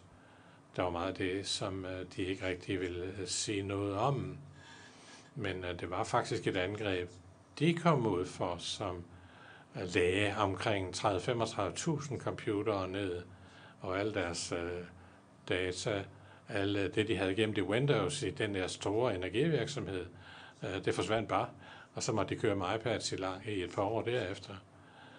Så det der med, at vi skyld det var, tillægge skyld og ansvar, hvem gjorde det? Hvem, hvem fik noget ud af, at det her virksomhed i Ramco, de, at det gik dem skidt? Og det var så Iran, viste sig, der fik noget ud af det. Så det med at tillægge skyld, det, ja, det er ikke uh, nødvendigvis uh, noget, man kan, uh, kan, kan, kan, kan tillægge på samme retsskyldige måde som i, som i en retssag. Men vi kan godt finde ud af, hvem der er de logiske aktører inden for det her. Altså det der med, hvem der har ansvar, ja, det ser jeg ikke så meget på mere. Det der med, at med sårbarheden. Jo, der er jo sårbarhed i informationsstrømme i en krise. I 2013 så vi det, da de syriske militære styrker, sagde man i hvert fald, brugte kemiske stoffer over for den syriske befolkning og ved et oprør der. Og øh, der kom noget i New York Times, hvor Barack Obama måtte træffe en beslutning om, hvorvidt Syrien skulle bombes. New York Times, de blev lagt ned på grund af et angreb, et hackerangreb. Altså avisen uh, New York Times, der domænet, navnet og hele det system, de havde for og det, det, det, for, det betød simpelthen, at uh, i et helt døgn, der forsvandt uh, adgangen til hele deres uh, system. I sidste ende, ja, så bombede man jo ikke uh, Syrien, men altså den store avis, som havde talt om det, blev altså lagt ned i et døgn. Og hvordan er det, at den, der er aggressiv, kan formgive informationsrummet? For der har Christian fuldkommen ret. Øh, den, der bruger, så den, der bruger øh, fysiske styrker, taber. Fordi, øh, ja, det der skete der med Iran, det var jo bare en reaktion øh, også over for Saudi-Arabien osv. Men jeg ved ikke lige. Ja, der er jo øh, vigtige øh, kunder og allierede til USA, der måske er med i det ene og det andet, for eksempel Saudi-Arabien. Det, altså, det var, ikke til at, det var ikke til at se, hvad det var, der var foregået. Men vi kan i hvert fald kombinere den måde, vi tænker over det geopolitiske sammen med det taktiske. Det kan vi gøre. Ron Devert i Citizen Lab i Toronto. Altså Citizen Lab i Toronto. Dem kan man besøge og se, hvad det er, de gør. Hvad det er for et detektivarbejde, de udfører på den tekniske side. Og så kan man kombinere det med det politiske og det samfundsmæssige. Og også de, der ligger også et øh, øh universitet lige nede ad gaden her, ikke? Uh, ja, I skal have nogle flere penge, så I kan også arbejde med noget mere af alt det her. Ja, tak. Jeg kan altid godt lide, når svaret det går ud på, at vi i vores center skal have flere penge. Det lyder altid godt. Men uh, der er så mulighed for salen for at stille spørgsmål, uh, når man... Uh, man skal altså lige vente på mikrofonen, fordi det kommer altså ud på Folketingets CV-kanal. Husk lige på det, og husk at sige, hvem I er, og uh, hvor, I, hvor I kommer fra. Vi starter herover. Værsgo. Og vent lige på mikrofonen, tak. Gigi Gersen, og jeg er ambassadør til, for Georgien her i Danmark. Det var meget interessant. Georgien er også en lille stat, og har også øh, lidt under et cyberangreb fra Rusland, som man måske husker. Men øh, hvad synes man om de store tekniske selskabers adfærd? Google, Facebook, Twitter. Hvordan forholder de sig til alt det her? Kan de små lande, de små stater, lære noget af disse store virksomheder? Øhm, fordi øh, der er jo angreb, der finder sted, ikke sandt? De står over for de realiteter hver eneste dag, disse store virksomheder. Kan man ligesom lære noget af de store virksomheder i små lande? Hvordan de for eksempel organiserer sig. Det kan være high-tech-selskaber, store selskaber, og så staterne, der måske kunne, måske kunne staterne lære noget af de store selskaber der. Fint spørgsmål. Hvem kunne tænke sig at svare på det? Ja, den måde jeg godt vil se Google og Facebook og andre på, er den måde, som penge og investering foregår i Silicon Valley, det er temmelig perverst. Fordi det er, det er at lave disruption af kendte industrier og lave noget andet. Bare her til morgen, der var der noget nyt om ny lovgivning i Kalifornien. Man skal give nye kategorier for Uber for eksempel, øh, det her taxaselskab, så skal de her nye kategorier. Hvad, hvad skal det komme ind under? Google, hvad er de? De er et reklame. Det er et reklamebyrå. De tjener så så mange milliarder på at sælge reklamer, dem der tidligere var i avisen. Så altså, de har placeret sig med en stor styrke. Men da Microsoft øh, øh skulle opdeles, det var den amerikanske regering, der vi, da vi opdelte Microsoft, det var for stort. Øh, og det, det, det ene og det andet, det er for ondt, og det skal brydes op i mindre enheder osv. osv. Men altså, Ja, jeg siger altid også, når man ser på det i relation til amerikansk diplomati, så siger jeg jo altid, Nå, det er jo dejligt, det er et amerikansk selskab i det mindste. Hvis man øh, ser på øh, IT uh, øh, og hvor spredt det er i verden, og hvem det er, der fører an, jamen det kom jo i virkeligheden meget fra Storbritannien. Der var ikke kommet noget kompromis, hvis uh, tyskerne ikke har sendt uh, et telegram Øh, det ved vi godt, øh, at det, nu går vi langt, langt tilbage i tiden. Men altså, det, der var noget, der kom efter 2. verdenskrig, som betød, at USA kunne have et overherredømme, som de har indtil i dag. Men, altså inden for det her område. Men hvordan skal vi så gøre over for det første af de her virksomheder, som ikke er amerikansk? Det meste, jeg er optaget af. Så kan man øh, synes, at det er ikke så godt, at USA har et vist overherredømme her, eller man kan synes, det er det er godt, altså godt eller ikke godt. Men det, det er vigtigt at huske på i hvert fald, det er, at den skade, som Snowden forvoldt i relation til mellem den amerikanske regering og Silicon Valley, der var det sådan, at Snowden, der, sagde, der var en af mine venner, der sagde, at dem kan vi ikke stole på mere, de der Silicon Valley. Det sagde man i myndighederne. Og det skal man også huske på. Så man kan jo se på Facebooks årlige øh, øh, de har deres øh, årsrapport, hvor de skal angive, hvad der kan være en risiko for virksomheden. Og der var 54 ting, der blev nævnt. Så de er selv udsat for rigtig mange risikoområder. Ja, jeg har lige en kort kommentar. I 90'erne skulle vi have den her globale landsby og alt det der.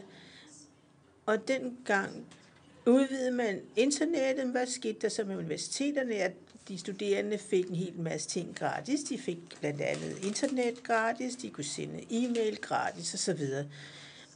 Og der er en kultur, der er baseret på formodninger, den gælder også i hele Silicon Valley, som følger deraf. Og den er meget vedvarende. Den holder og vi har solgt internettet på basis af den her internationale landsby, hvor alt vil være gratis. Og, men de her selskaber, som reelt er reklamevirksomheder, som blev sagt, og som reklamebyrå har man ikke noget ansvar for sikkerheden. Vi kan finde ud af, hvad de mener om deres egen sikkerhed, men jeg tror ikke, det hjælper jer som øh, stater. Man skal have dem til at arbejde for sig, og man skal måske arbejde sammen med dem. Noget andet, jeg gerne vil sige i den her forbindelse, er, at vi er blevet vant til, at det er blevet gratis. Vi skal huske, hvad der ligger bag. I vores virksomheder er der en formodning om, at hvis man stjæler noget, så er der nogen, der vil sikre, at retfærdigheden skal fyldes. Men hvem er det, der er derude? Det er kun de her selskaber, der går ud fra, at alt fungerer for dem til alle tider. Og hvis der ikke er nogen, der gør noget ved det, så er der nogen andre, der vil. No. Silicon Valley is not going to. Silicon Valley vil altså ikke komme og redde jer i en krise. Det var det korte svar. Hvem er næste på listen? Ja, der sidder en herre derovre. Nu får du en mikrofon.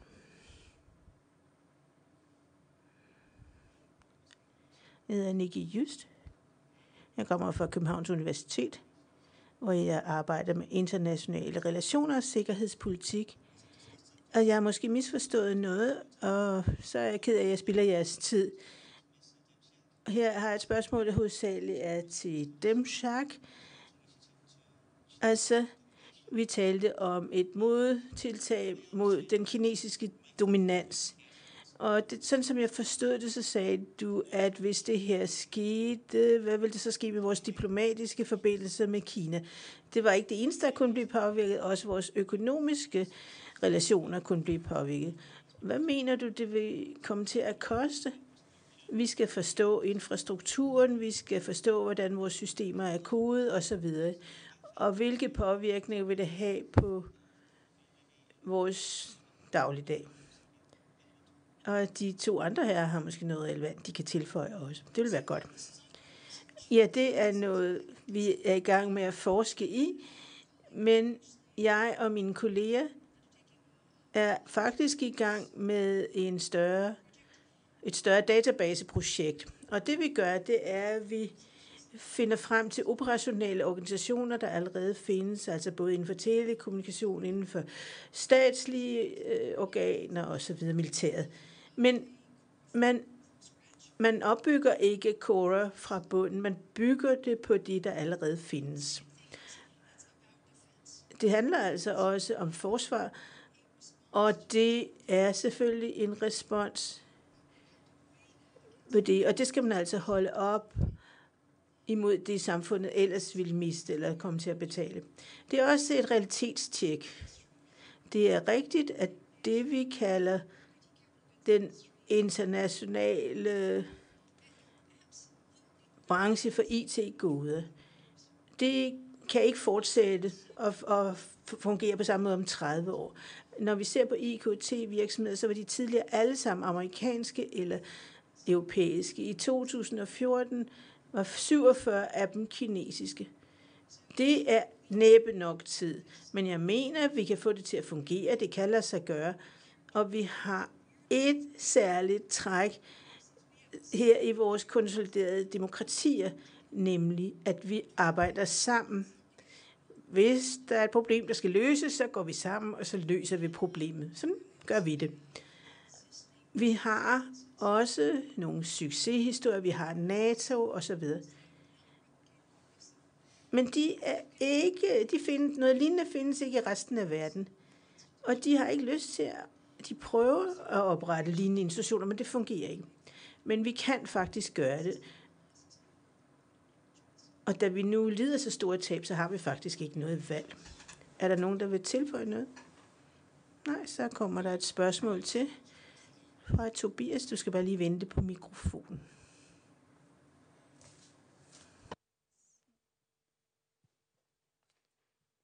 Thank you. Tak. Jeg hedder Tobias Lyttes. Jeg kommer fra Center for Militære Studier. For det første vil jeg gerne takke jer for nogle fine indlæg. Jeg vil meget gerne have, I sagde lidt mere om det, som jeg ser som den teknologiske kolde krig. Det synes at være mere eller mindre uundgåeligt, at USA eller den vestlige verden vil komme op mod Kina, og det er noget, der vil fortsætte. Ja, forholder det sig virkelig sådan? Og hvordan hænger det så sammen med almindelig teknologisk udvikling over for politiske beslutninger, og også for at komme tilbage til det, Henrik sagde i sit, sit indlæg. Hvor kommer politik og demokrati ind? Hvilken rolle spiller befolkningerne? Hvordan kan vi blande os i den her udvikling? Og har vi faktisk noget at sige her op på det her høje politiske plan og den hurtige teknologiske udvikling? Skal vi bare vente og se, hvad der sker? Tak. Tusind tak for det spørgsmål. Jeg vil gerne begynde med at komme med to observationer. Og den første er, at national sikkerhed og den nationale forsvarsstrategi øh, er baseret på en stor øh, magtkonflikt. Den handler om to store magter, og en af dem er Kina. Og en af, et af de dimensioner, der er meget, eller som optager betyder rigtig meget i, hos os, det Altså her snakker vi måske om den her teknologiske kolde krig, som du nævnte, og det kan være rigtigt, at der er virkninger af at øh, prøve at kontrollere alle de her underliggende infrastrukturer. Men hvad betyder det så i forskellige sammenhænge? Nu vil jeg gerne øh, vende tilbage til noget af det, Chris sagde til at begynde med, hvor hun talte om tyveri af immaterielle ejendomsrettigheder.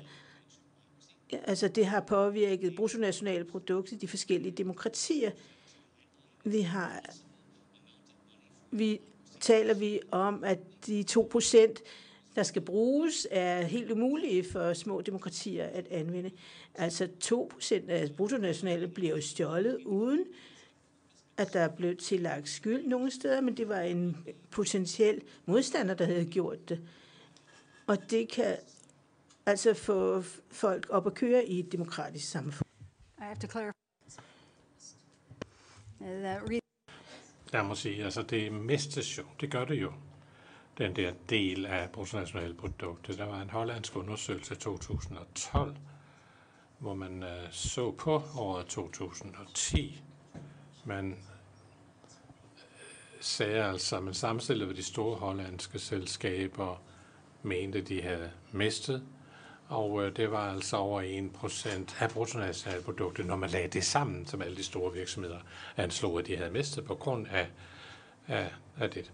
PricewaterhouseCoopers har også arbejdet med, med nogle af de her data og kommet frem til det. Det der med en teknologisk kold krig bruger jeg ikke. Jeg tænker ikke øh, over det på den måde. Jeg tænker bare over sådan, som verden nu er. Det foretrækker jeg. Noget, man skal huske på, det kan man ikke sige tit nok. Vi har altså ikke lavet verden om. Vi er de mærkelige, de er de normale. Og dem, der har læst sociologi og, og set på, hvordan vestlige stater er blevet dannet, jamen, øh, vi tror jo, at det hele drejer sig om os. Men vi er altså anderledes. Og der kan man altså bebrejde den romerske her, den katolske kirke, eller den protestantiske kirke, eller man kan bebrejde, hvem man vil. Men det ændrer altså nu den måde, vi taler på, den måde, man, øh, man øh, arbejder på, den måde, tingene er nu. Og øh, når vi agerer sammen med resten af, kan man sige, den normale verden, for eksempel Kina, så kan man tro, man kommunikerer på samme niveau, men det gør man ikke. Det gør vi ikke. Nej, det er resten af verden, der er i opstigning. Og deres præferencer er anderledes. Det er ikke en teknologisk kold krig. Men de har andre præferencer. De har større øh, præference for, at øh, den der, der skal være nogen, en stor mand og så videre, der skal være en, en anden struktur, en anden magtstruktur. Det bliver ikke sådan nogle demokratier, der langsomt udvikler sig. Vel, det har de jo ikke, og det, det, det ved de heller ikke. Men de har noget andet. Kineserne især, de har stor størrelse, og de er sultne, men de er også nervøse. Det var ikke meningen, det skulle ske så hurtigt. Det troede de heller ikke. De er ikke sikre på, at de kan opretholde det. Og øh, derfor så prøver de så at fastholde en strategisk sammenhæng. Deres virksomhed er fuldt ud klar over det. De gør ikke alting for den kinesiske regering. Sådan fungerer det ikke. Men hvis den kinesiske regering vil et eller andet, så bliver, så bliver virksomhederne nødt til at gøre det. Sådan er deres system. Altså, altså, det er ikke en teknologisk kold krig, vi har, men det er en, et realitetstjek, en, en ny balance. Så spørgsmålet her er, skal, vil vi have, at de demokratier, vi har, skal være levedygtige? Der vil være et Danmark om 100 år, men hvordan vil det Danmark se ud? Det er det egentlige spørgsmål. Vil det være demokrati? Hvordan vil det se ud? Jo, og det der bliver sagt, skal folk øh, at have noget at skulle have sagt. Selvfølgelig skal de det, for ellers så opgiver vi jo, nem, opgiver vi jo nemlig demokratiet. Der er et spørgsmål heroppe foran over i hjørnet.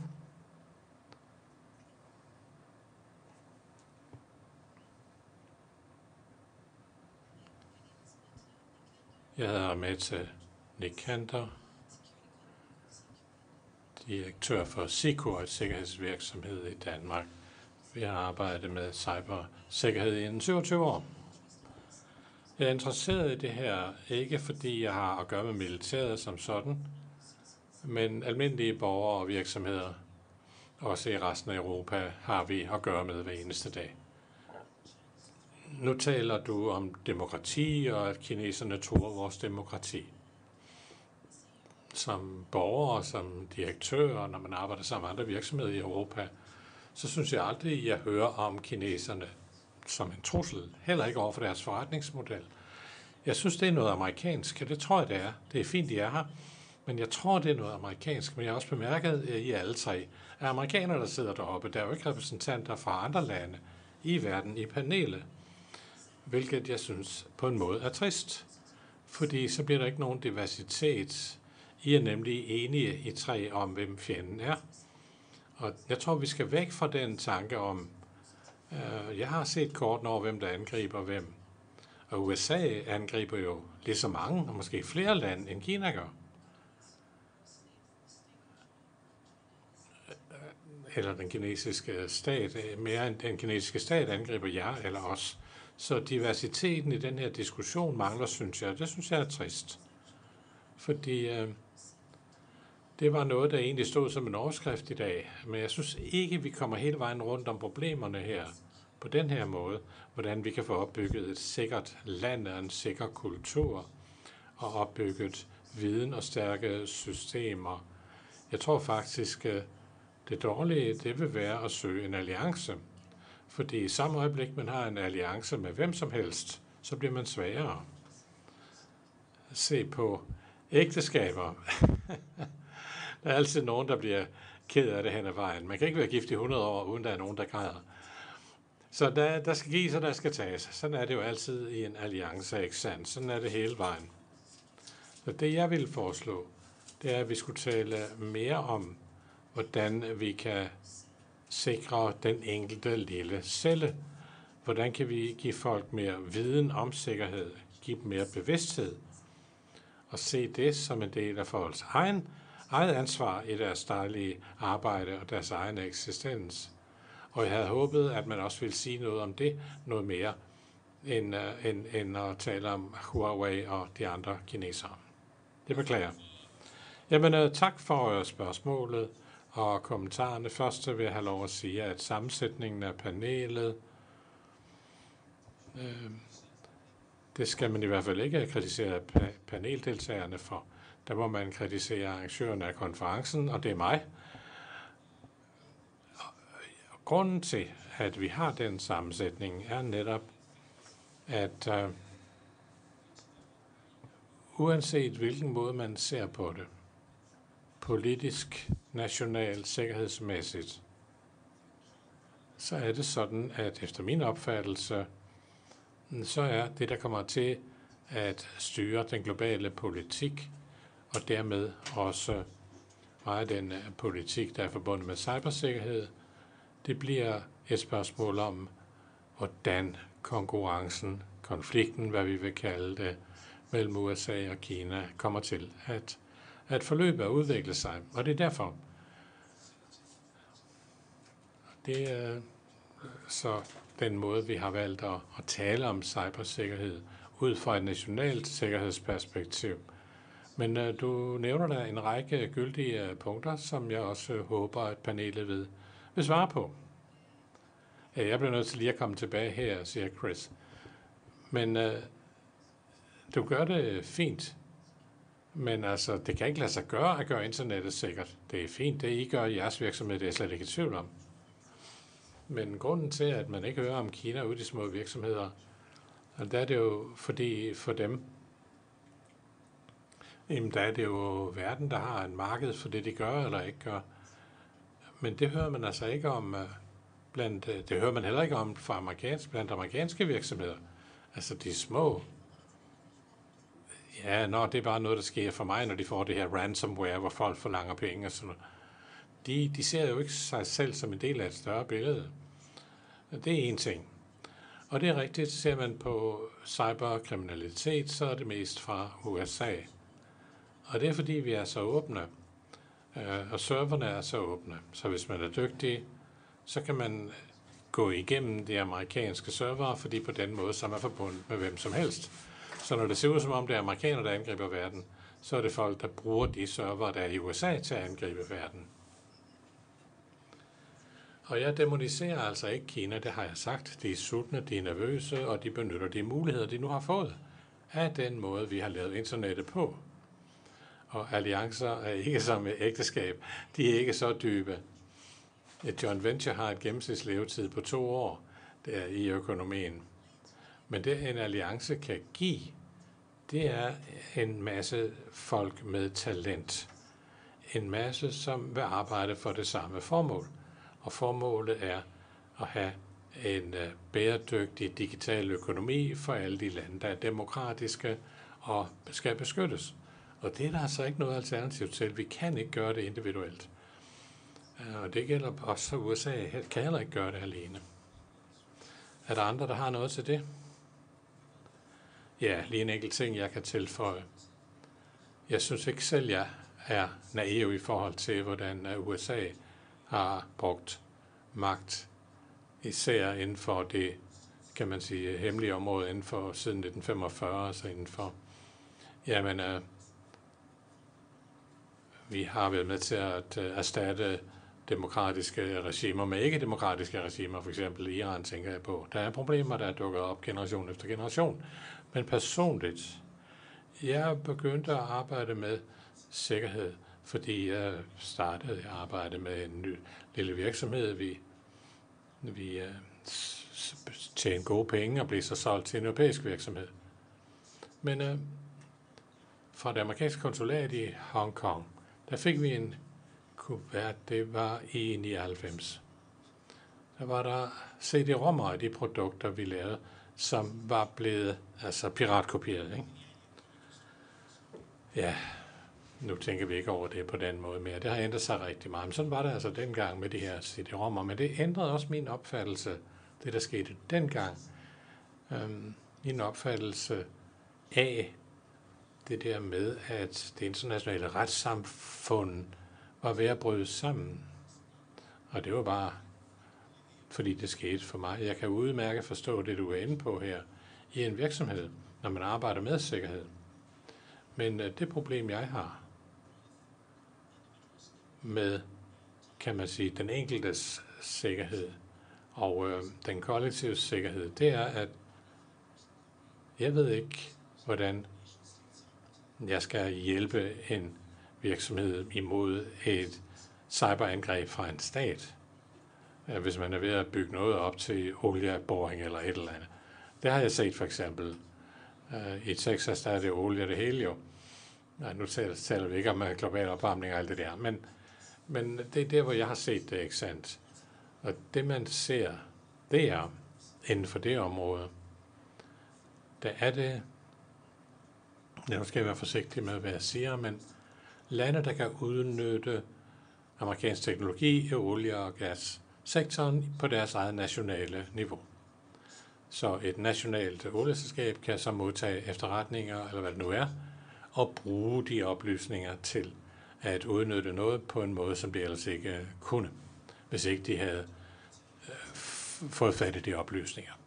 Så jeg vil ikke øh, øh, lyde, som jeg bare er en øh, øh, del af den amerikanske storebror, der fortæller alle øh, vores europæiske allierede, hvad de skal gøre. Det er helt urimeligt, det vil jeg heller ikke gøre.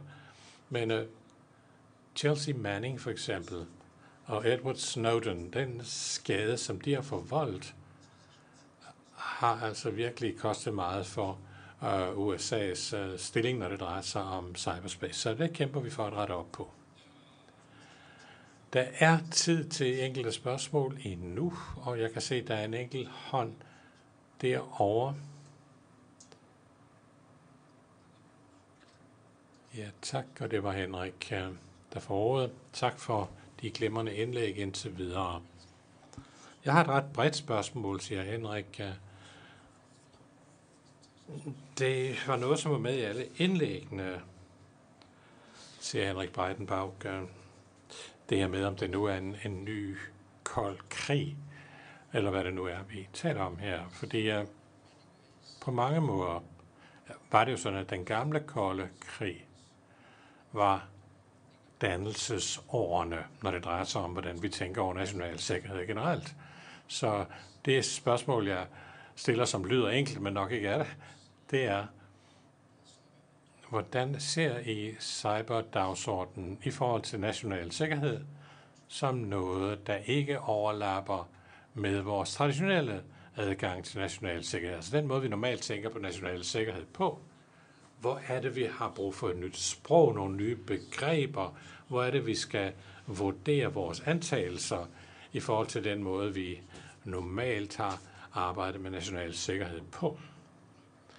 Det jeg sådan henviser til her, det kunne være spørgsmålet om afskrækkelse. Det var jo et grundlag, altså det, tidligere.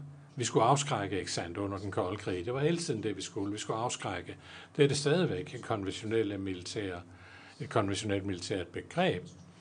Men øh, det er jo en udfordring at kunne bruge det inden for cyberdimensionen. Det med at afskrække modstandere. Både øh, når det drejer sig om denne øh, mulige fremtidige krigsførelse over for Kina. Nu så vi det der med trafik, der bliver ført andre veje hen, og spørgsmål om at finde ud af, hvem der gjorde det. Og i Garys øh, indlæg hørte vi også noget om de her grundlæggende begreber, som vi, som vi bruger i forhold til national sikkerhed. Mm, det forekommer mig, at det måske ikke altid lige passer på den nuværende situation. Så altså, hvor er det, vi mangler et overlap? Hvor er det, vi mangler et nyt sprog? Hvor er det, vi mangler nye begreber, når det drejer sig om cybersikkerhed? Det kan også være helt uenig med mig og, og tænker, at det, vi gør inden for national sikkerhed nu, det passer helt fint også til cyberområdet. Men lad mig høre, hvad I synes. For at se på mig, fordi jeg jo arbejder her på Center for Militære Studier som seniorforsker, så jeg har en idé om, hvordan jeg skal fortolke Henriks spørgsmål. Og øh, lad mig begynde med at sige, at det er jo sådan, at det spørgsmål, vi lige fik før den debat, vi har her, er et eksempel på, at vi skal genoverveje den måde, vi tænker over national sikkerhed på. Øh, nu har det jo været coolere, ikke sandt? Øh, ah, hvad skal det nu være? 2. verdenskrig, ikke sandt? Øh, og måske hvad så med 3. verdenskrig? Men altså, det der med, hvad skete der efter den kolde krig? Det, det kom også allerede under den kolde krig, da vi begyndte at gå væk fra at tænke, væk fra konventionel krig og nye krigsformer, for eksempel i Afghanistan eller Irak, hvor der var brug for andre færdigheder fra de militære styrker for at kunne opnå sikkerhed, stabilitet og kunne styre et, et område. Ikke sandt? Det var en ny måde at gå til det på. Og øh, ganske vanskeligt at opnå, som, som vi jo har set. Men en af den måde, vi kan tænke over fremtiden for den internationale konkurrence eller stormagtskonflikt, det er lidt på den måde, som Chris tænker. De nationale grænser, den nationale rivalisering, der findes, der stadig findes, på trods af det der med, at øh, man afgiver suverænitet for eksempel til EU, det er jo måder, hvorpå vi også kan sikre, at der er større og større områder af samfundet, der, der kunne blive sikret, når vi tænker over det på den måde. Og om der så skal hmm, er et særligt koncept, et særligt begreb, der så passer nu øh, i forhold til, til den nye situation, Huntingtons uh, civilisationernes kamp, sådan nogle begreber skal vi jo ikke ind i. Men, men er der brug for nogle andre begreber? I hvert fald det der med koalitionskrigsførelse, det kan man godt sige, det kan også anvendes inden for, inden for andre domæner, som for eksempel cyber. Det er måske en måde at se på det i hvert fald. Er der nogle tilføjelser til det? Ja, da vi nu er i København, og øh, der nok sidder nogen her i lokalet, der arbejder med internationalt samarbejde, så vil jeg da sige, det med cyberspace og sikkerheden, det er generelt er jo et stort, et stort område. I USA, der bruger vi næsten altid sikkerhedsparadigmer fra fortiden. Og det er svært at forestille sig en måde, hvorpå man kan udsende propaganda individuelt end via Facebook. Så nu vil Facebook nok ikke støtte mig fremover. Men øh, vi kan altså individuelt målrette mennesker. Jeg har venner i West Point, altså Forsvarsakademiet i USA, som siger, hvordan skal vi gøre noget ved radikalisering på det individuelle niveau hos den enkelte person, dem, der virkelig er udsat for at blive radikaliseret via internettet. Hvordan, hvordan pokker skal vi gøre noget ved det? Ja, det kan være andre ting. Det er lige meget, hvad emnet er. Det er det nye, vi skal analysere, når det drejer sig om at vinde og tabe konflikter. Det er radikalt anderledes end at forstå, hvad en øh, T-72 øh, kan, kan, kan, kan kaste med af bomber osv. osv. Nej, hele platformen er anderledes på grund af det digitale. Og det kommer til at tage måske en generation eller to at finde ud af præcis, hvordan Chris har også skrevet noget om det. Det her problem. Når man ser på det som samfundsteori, så kommer der en ny app, og så falder vores øh, teori sammen. Altså det, det er jo det, vi oplever. Så altså det, jeg argumenterer for, det er, at øh, cyberspace ikke skal, skal ses som et, en krigszone. Det synes jeg ikke. Når man taler om internationale sikkerhedstraktater, og noget ligesom NATO, der skal være, så bliver jeg nervøs, når det skal vedrøre cyberspace. Men altså, nu bor jeg i et land, som uh, orienterer sig ja, det er måske en anglo-global måde, ikke sandt? Vi ser tingene på.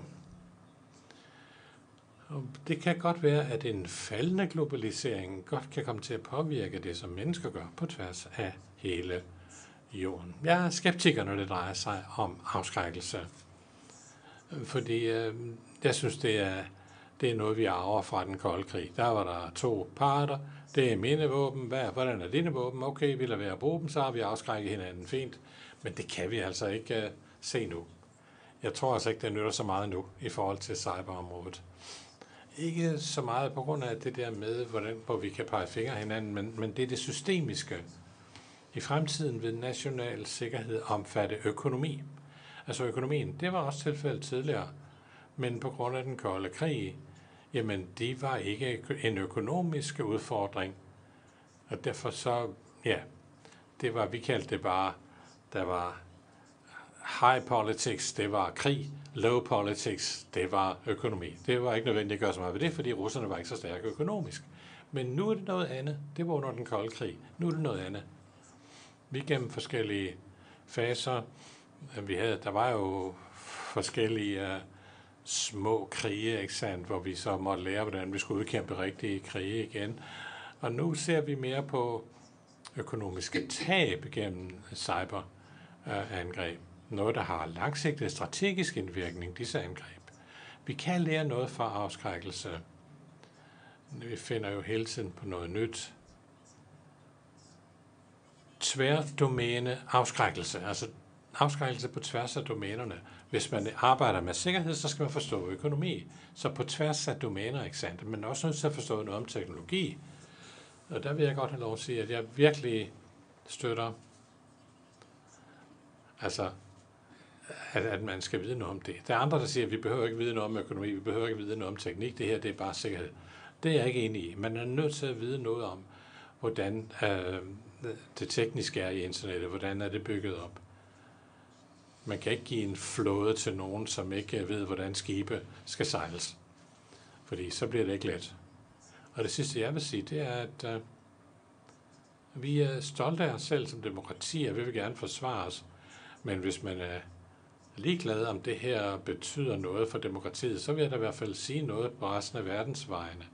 Hvis man ikke har en model, som man anser for levedygtig, succesrig og værd at kopiere, over for den kinesiske model har man 30-40 års tid, så har man altså efterladt resten af verden alene med ikke noget alternativ til Kina. Så har det ikke nogen at, at, at kopiere, ikke nogen at gå til.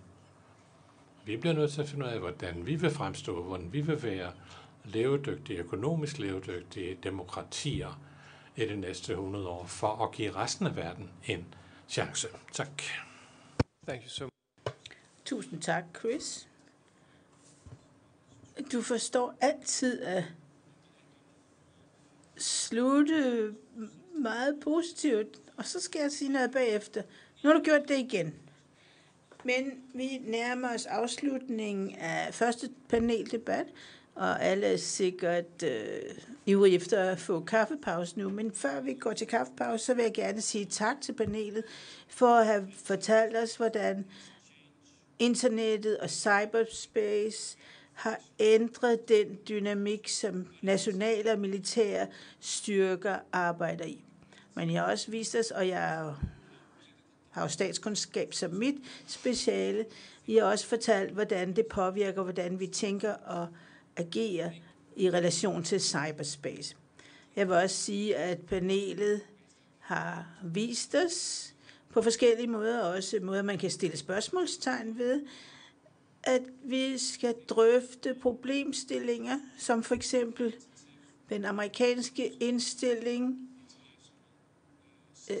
i et øh, mere konflikttroet system, og der skal vi se på, hvad internettet kan bruges til, og hvordan det kan bruges af mindre stater, som for eksempel Danmark. Efter pausen vil vi tale mere om, og der vil, om det, og der vil være større spredning på nationaliteterne, når vi skal tale om, hvordan små stater kan tage den her udfordring op, både hvad angår cybersecurity og hvad angår forsvar. Men lad os alle sammen sige tak til Chris, Chris og Garrett for at tage sig tid til at komme her i dag.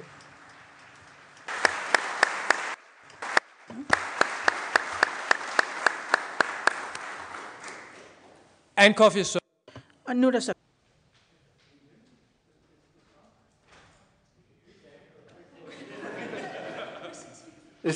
oh, that's much better.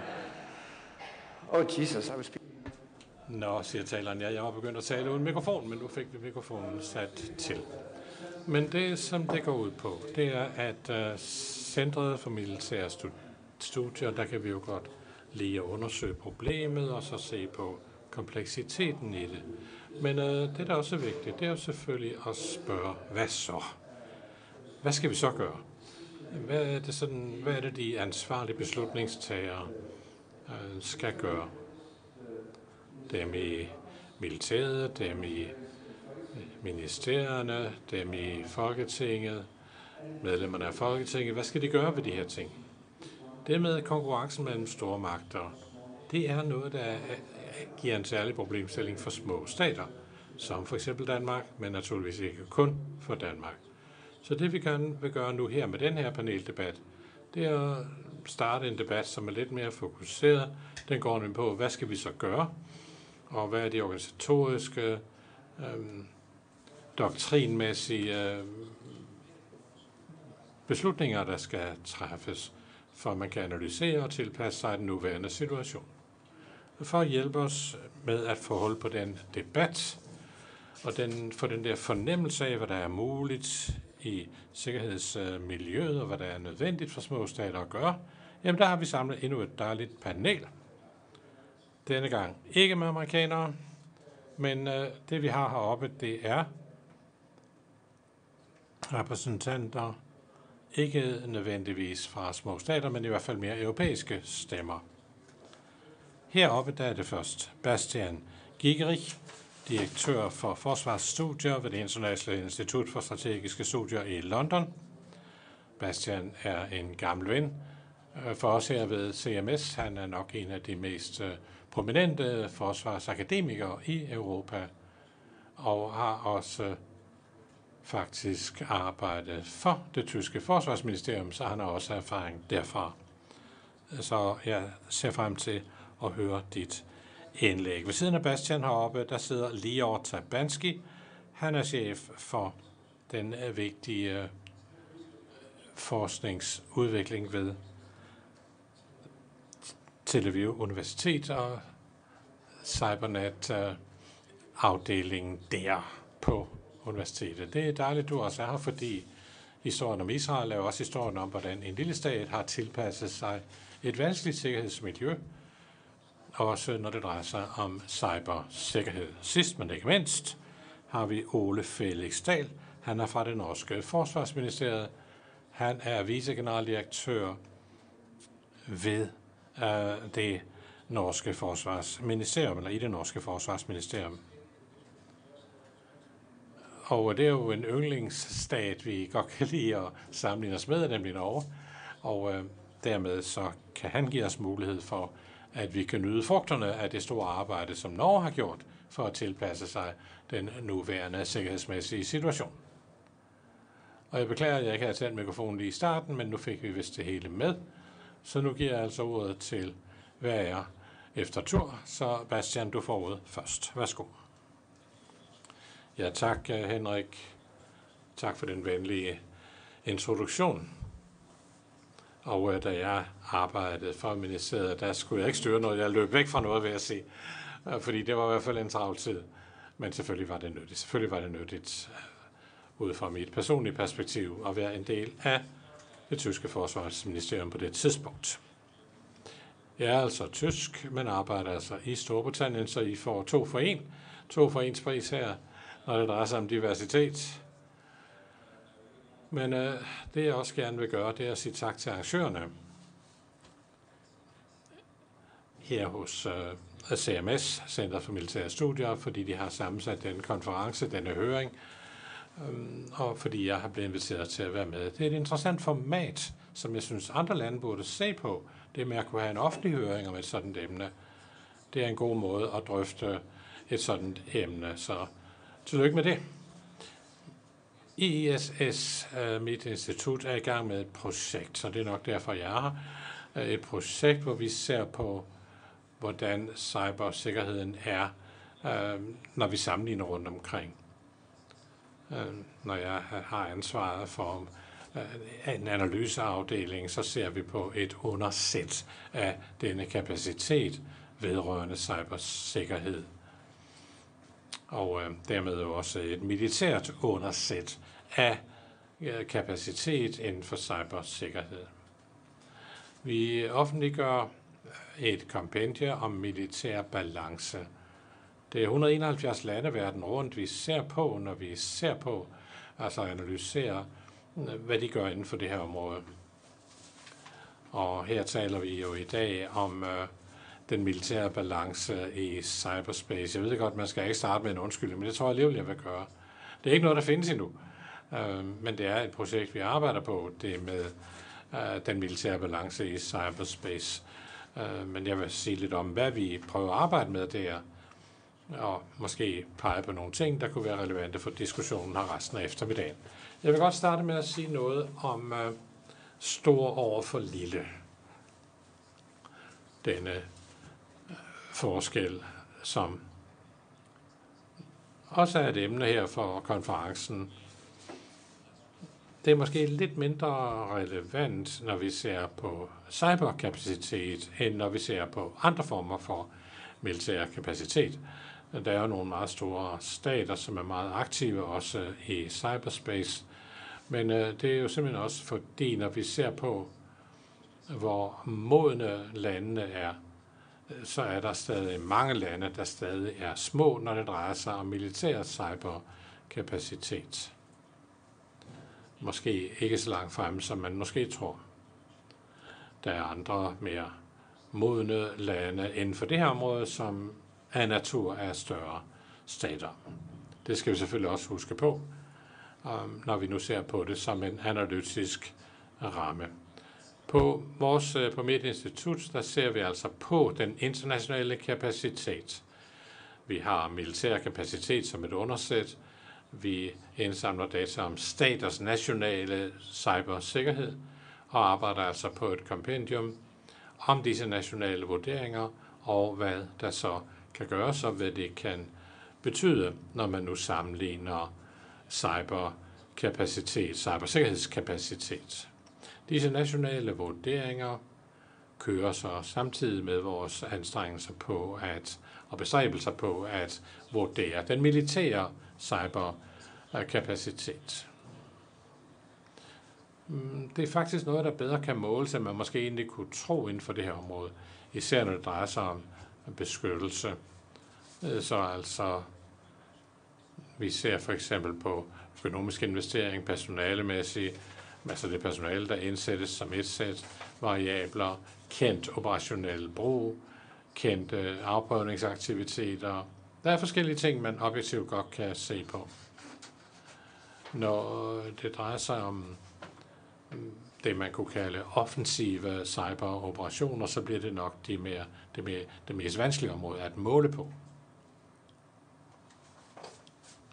Og øh, som det er sikkert blev forstået af det første panel, så er det jo sådan, at øh, selvom der ikke er bevis på tilstedeværelse, så betyder det ikke, at det ikke findes nogle af de problemstillinger. Og det er selvfølgelig en af vanskelighederne, når man prøver at vurdere de her ting. Vi prøver altså at se på staternes kapacitet og evner. Vi ser kun på ikke-statslige aktører, hvis, det, hvis de har kapacitet, som helt klart er en del af statens kapacitet inden for et givet område. Det er selvfølgelig også et interessant problemstilling i sig selv. Og det letteste er nok at tale om det for eksempel ud fra, lad os sige, den iranske cyber her ser vi som en del af den iranske kapacitet. Internetforskningsgruppen i St. Petersborg anser vi også som en del af Ruslands kapacitet. Men øh, Google for eksempel, Microsoft eller Facebook ser vi ikke som en del af den amerikanske kapacitet inden for det her område. Huawei er selvfølgelig interessant, og Cisco. Ja, der ser man jo også øh, på nogle af disse lækager, som vi har set med Snowden og andre, som er blevet nævnt. Vi ser heller ikke på cyberkriminalitet, med mindre der er en bevis, en bevis, øh, bevis forbindelse til statsaktivitet. Så det er et spørgsmål om at afgrænse det, vi arbejder med. Når vi ser på at undersætte militær kapacitet, så er det selvfølgelig vigtigt at være klar over, at øh, det, der ejes eller drives af militæret, ikke øh, nødvendigt, jo ikke fuldt ud svarer til statens kapacitet. Øh, militærets egen kapacitet kan jo godt bruges til ikke-militære formål, og øh, ikke-militær kapacitet kan udvikles øh, og bruges til et militært formål i cyberspace. Men vi er så nødt til at se på det som en bred vurdering af national kapacitet. Og igen, og det var også det, der var emnet i det første panel, igen må vi se på, at vi ikke kun måler kapacitet, men også hvordan stater bruger og har planer om at bruge deres cyberkapacitet, deres nationale doktriner, strategi, det juridiske, den etiske ramme, inden for hvilke kapacitet øh, ligger. Så når vi taler om stater med god cyberkapacitet, jamen, øh, så ser vi jo på, hvad øh, der gøres økonomisk, øh, diplomatisk og militært, hvad man har kapacitet, hvordan man så bruger sin kapacitet. Det varierer naturligvis ud fra de politiske systemer, og de beslutninger, der træffes om brug af ressourcer, men også normer og den juridiske ramme er med til at bestemme, i hvilket omfang kapacitet bruges. Kapacitet er en ting, men anvendelsen af kapaciteten er noget andet. En stat som Rusland for eksempel kan fremstå som magtfuld på grund af sin brug af sin kapacitet inden for cyberområdet. Ja, det kan man da sige. Men øh, USA vil nok have en større evne i virkeligheden, hvis man bruger sin kapacitet inden for cyberområdet. Det kan man så diskutere, i hvilket omfang det er en præcis beskrivelse. Det er en debat, jeg ser frem til.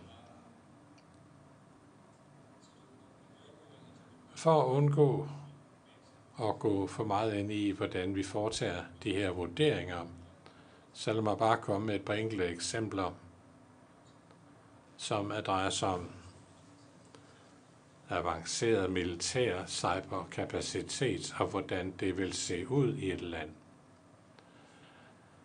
Som sagt, så tror jeg ikke, at landets størrelse er det vigtigste her.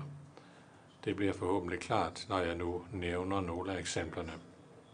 En meget enkel model, en ikke kompliceret model for modenhed, ja, der vil man skelne mellem avanceret, udviklende eller fremkommende kapacitet. Der kan også være flere lag, men, men det er jo det, man normalt lige vil tale om som hovedkategorier. Og lad, os, lad mig sige lidt om, øh, hvad det betyder for et land, hvis man har avanceret cyberkapacitet. Hvis man ser på styringscentrene, ja, så ser vi jo på, hvordan hele statens regeringstilgang er til cybersikkerhed, og hvordan, hvordan beføjelserne ligger. Der skal være en befolkning, som er bevidst om beføjelse og sikkerhed, og arbejder ud fra øh, retningslinjer fra det offentligste, fra det øverste offentlige niveau, også vedrørende den private sektor altså. Der vil også være multinationale forhold, øh, når det drejer sig om at opdage ting og reagere på ting. Og øh, man vil have sin egen cyberorganisation med definerede ansvarsområder og med finansiering fast, og hvor man vil have øh, erfaring. Man vil se efter, vi ser efter indikatorer på, at man har det, øh, for at komme til den vurdering, at man har et avanceret cyberkapacitet. Man kan se på strategiske udvikling, man øh, ser på militære cyberstrategier, for eksempel ser man på, om man regelmæssigt opgraderer og reviderer sine strategier. Man ser også på, om man udvikler fokusområder, og er det så sådan, at man drøfter øh, globale opfattelser trusler, reaktioner, detaljerede nationale håb og forventninger inden for cyberspace.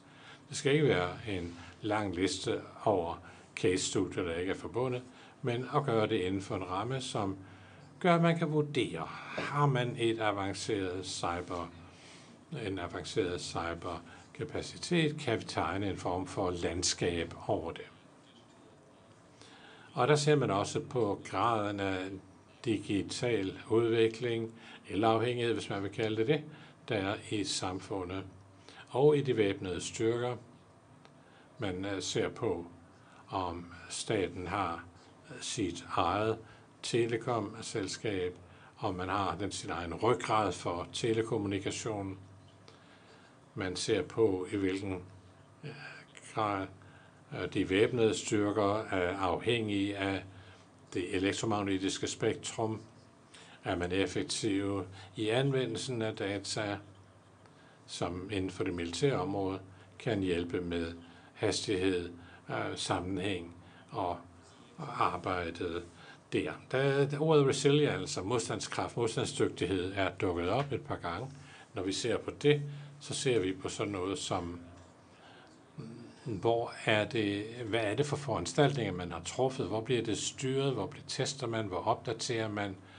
Hvordan sørger man for, at man er modstandsdygtig? Er der en national cybersikkerhedsorganisation for eksempel,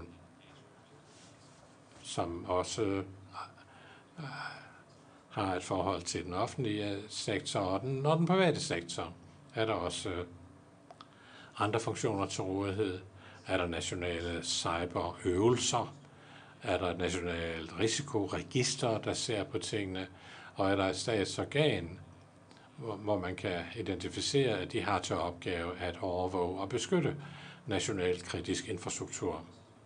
Når man ser på de væbnede styrker, så ser man på, at øh, selvom de måske har kapacitet, har de så evnen til at operere uden deres øh, udstyr cyberudstyr, fordi de har andre måder at være modstandsdygtige på. Eller er der alliancer, der kan hjælpe med øh, reaktion og øh, Lad mig slutte mine 12 minutter, eller meget, jeg har talt med nogle få ord om øh, kapacitet, når det drejer sig om det offensive inden for cyberområdet, som måske, som jeg sagde i starten, måske er det vigtigste at vurdere, når vi har et miljø med åbne kilder.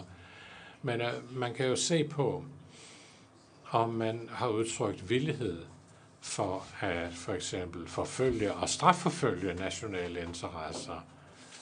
Har man øh, kunne, kunne lægge ansvaret for et eller andet fra statens side? Har de væbnede styrker for eksempel? En række kinetiske og ikke kinetiske aktiver, som gør dem i stand til at øh, tage fat i modstandere på tværs af det elektromagnetiske spektrum. Det er sådan nogle ting, man kan se for. Er der de der kapaciteter? Og også en tjeneste, som betyder, at man kan række ud globalt. Øhm, og øh, det er klart, at nogle begrænsede netværk, man kan få samarbejdspartnere, kan også være noget, man ser efter. En helt anden dimension her kan være at prøve at vurdere de juridiske værktøjer, der er for at holde folk ansvarlige mm, og således at man kan regulere aktiviteterne i cyberspace. Og det kan altså være statens egne styrker, at man holder øje med, at de også opererer inden for det juridiske og den, og den etiske ramme, som jeg var inde på tidligere. Jeg tror, jeg lukker her, men altså, når der kommer spørgsmål og svar, så kan jeg komme med nogle flere eksempler på nogle cases, så vi kan gå ind i flere detaljer, men jeg tror, jeg skal holde op for nu. Tak for det. Tusind tak. Thank you, Bastian. Tak til Bastian. Det var spændende at lytte til. Og jeg tror, du meget snart får et telefonopkald fra NATO's hovedkontor, som gerne vil anvende det samme spørgeskema, som du har brugt, og sende det ud til alle medlemmerne af NATO. Vores næste taler er Lea, og nu giver jeg ordet til dig.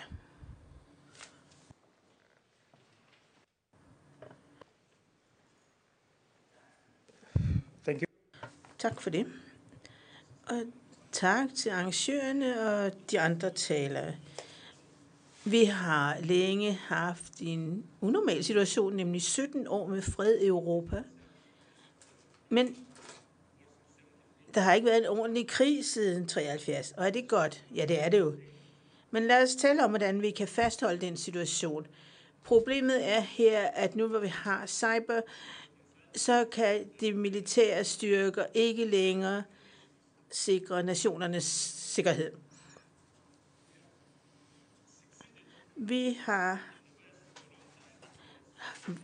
været en succes i lang tid, fordi vores militære styrker har været i stand til at tilpasse sig i vid udstrækning til de trusler, vi står overfor. Det gælder dog ikke med cybersikkerhed. Øh, og i, i de mest avancerede stater er det, og det er det, jeg hovedsageligt beskæftiger mig med her i dag. Nu vil jeg gerne sige lidt om det her problem, altså vores øh, manglende evne på det her område, og hvad årsagerne er. Og så vil jeg sige lidt om strategi, ikke om kapaciteter, som man normalt snakker meget om i forbindelse med cybersikkerhed, men tale om, hvad vi, har, hvad vi skal bruge de her kapaciteter til. Og så vil jeg sige lidt om innovation og den øh, omfattende innovation, vi har brug for, for at kunne fastholde sikkerhedsniveauet i de vestlige samfund. Altså, cybertruslerne dækker et vidt spektrum, og der er nogle af truslerne, der er ganske almindelige nu. Vi har gentagende eksempler på industrispionage. Vi ser også, at der, der er ransomware, der er forsøg på afpresning og lignende ting. Og det kan vi se på statistikken for. Og vi har hele spørgsmålet om hemmelige forsøg på at øve indflydelse gennem de sociale medier. Det går meget dybere, end hvad vi har hørt i forbindelse med valgkampagnen og Trump. Og så, det er jo et faktum, at man kan bruge cyber til at øh, iværksætte øh, cyberangreb på indlandske mål. Og inden for andre områder, Altså nogle gange vil man se nogle grænser, nogle vagter, noget militær og så videre, der griber ind. Men hvis man retter skytset mod indlandske mål, så kan man formentlig nå frem, uden at, at støde på nogle statslige forsvarer. Men altså, den nuværende teori er baseret på to ting, nemlig at der er tidlige advarselssystemer, man vil kunne se nogle indikationer på, at nogle modstandere forsøger at gøre noget. Og i den forbindelse har vi nogle, nogle meget omfattende efterretningssystemer og operationer, og de her organisationer har udviklet en masse af de kapaciteter, vi taler om, når vi taler om cybersikkerhed. Så kapaciteterne er der ude i cyber, men så kan vi jo tale om, hvorfor de ikke bliver anvendt. Og teorien er, at man vil kunne identificere et angreb, før det sker, og helst så tidligt som muligt.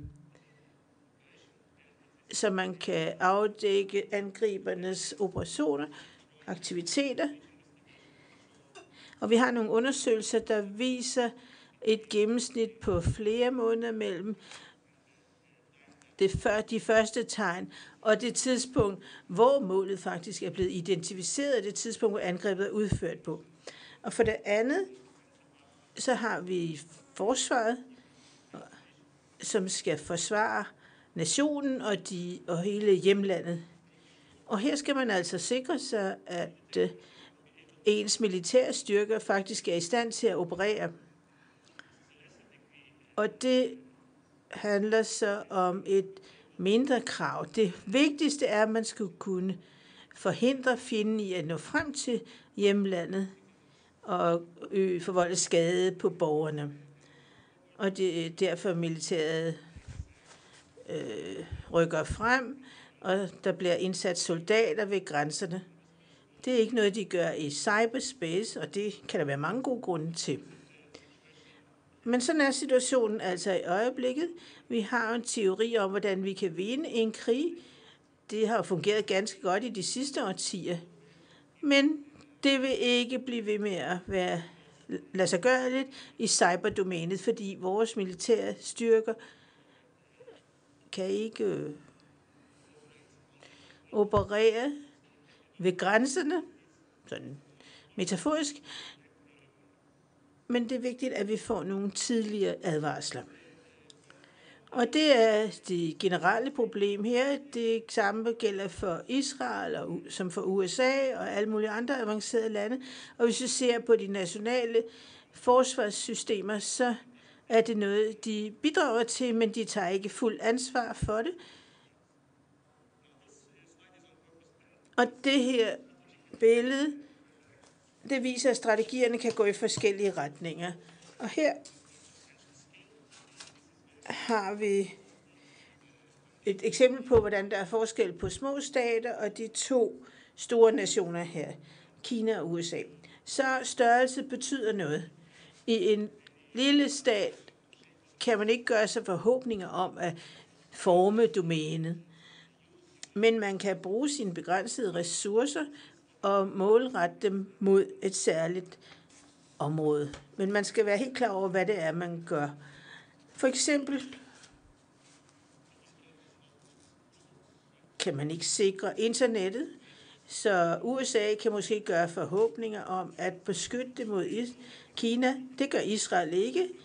Israel håber, at øh, nogle forskellige bidrag vil kunne være med til at sikre det. Men vi kan ikke forme hele miljøet. Den nationale strategi i Israel siden 2011 har været baseret på en vision om, at Israel kan blive en af de fem mest betydningsfulde nationer i cyberspace. Og der er en masse ting, vi kan gøre på det strategiske plan, når vi ser på, hvordan og hvad vi kan gøre.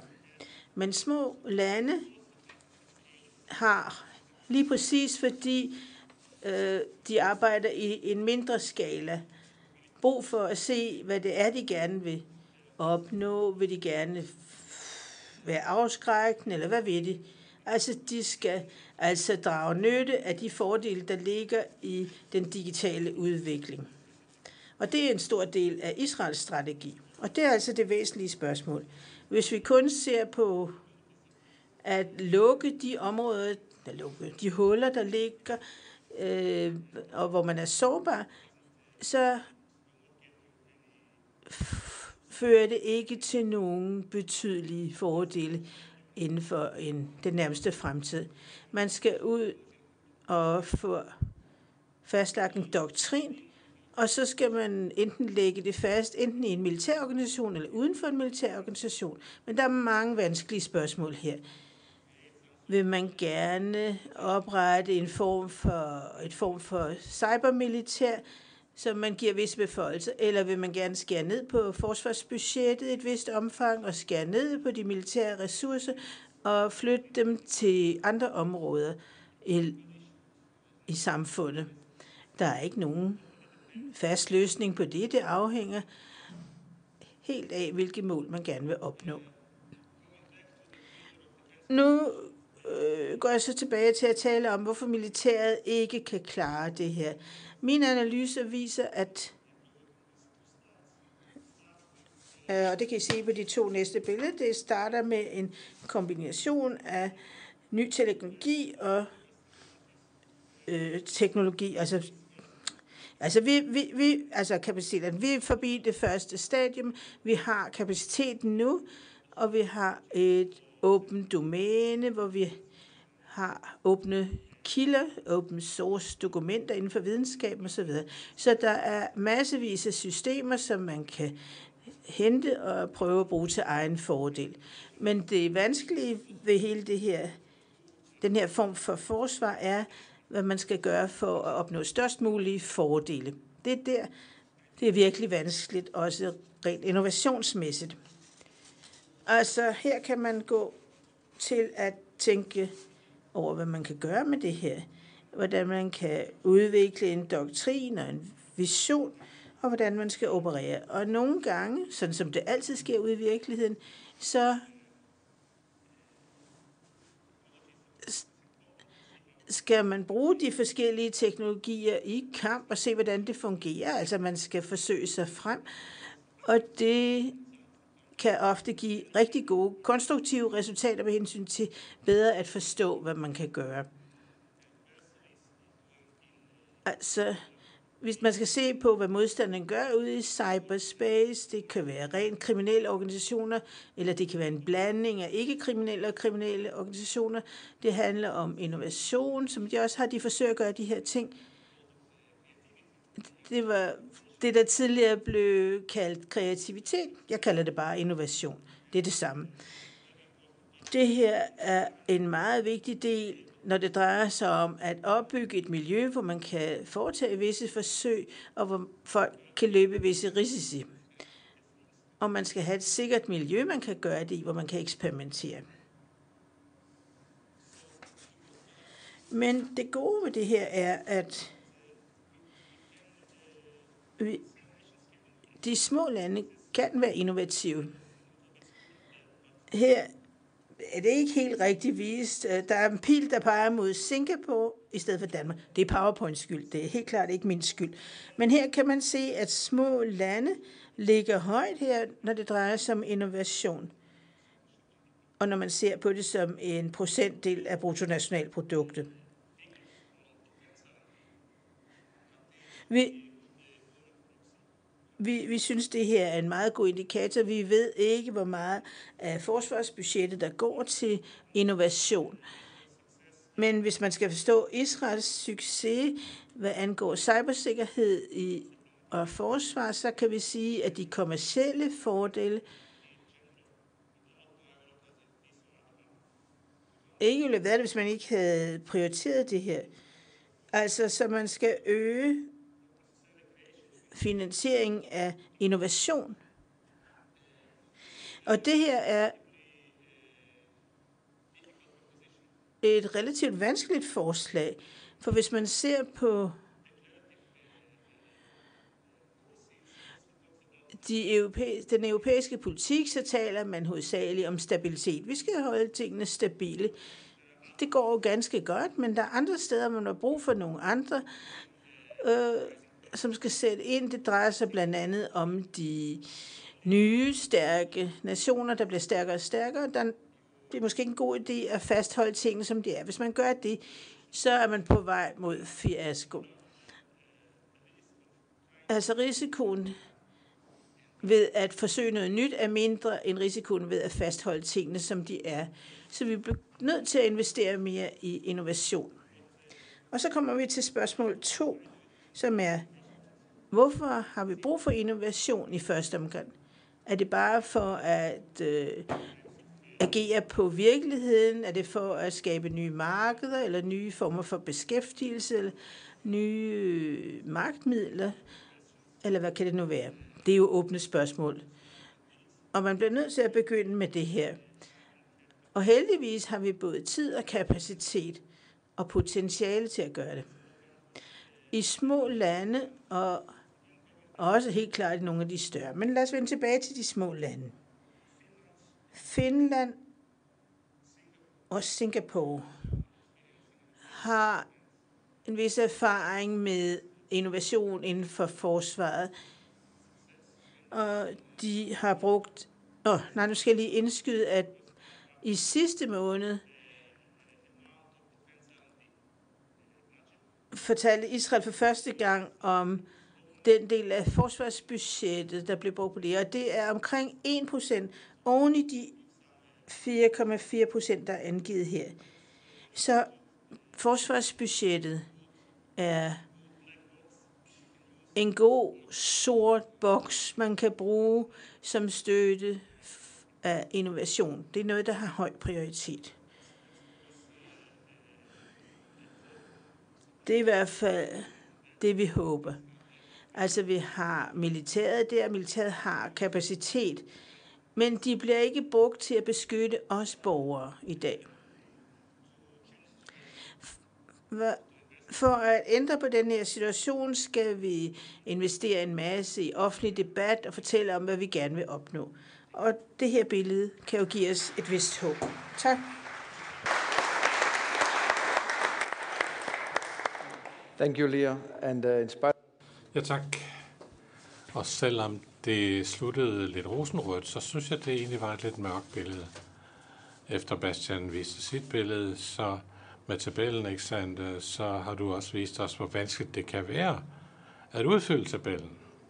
Men meget passende, Ole Felix, du kan komme og fortælle os, hvordan man gør det i Norge. Du har ordet.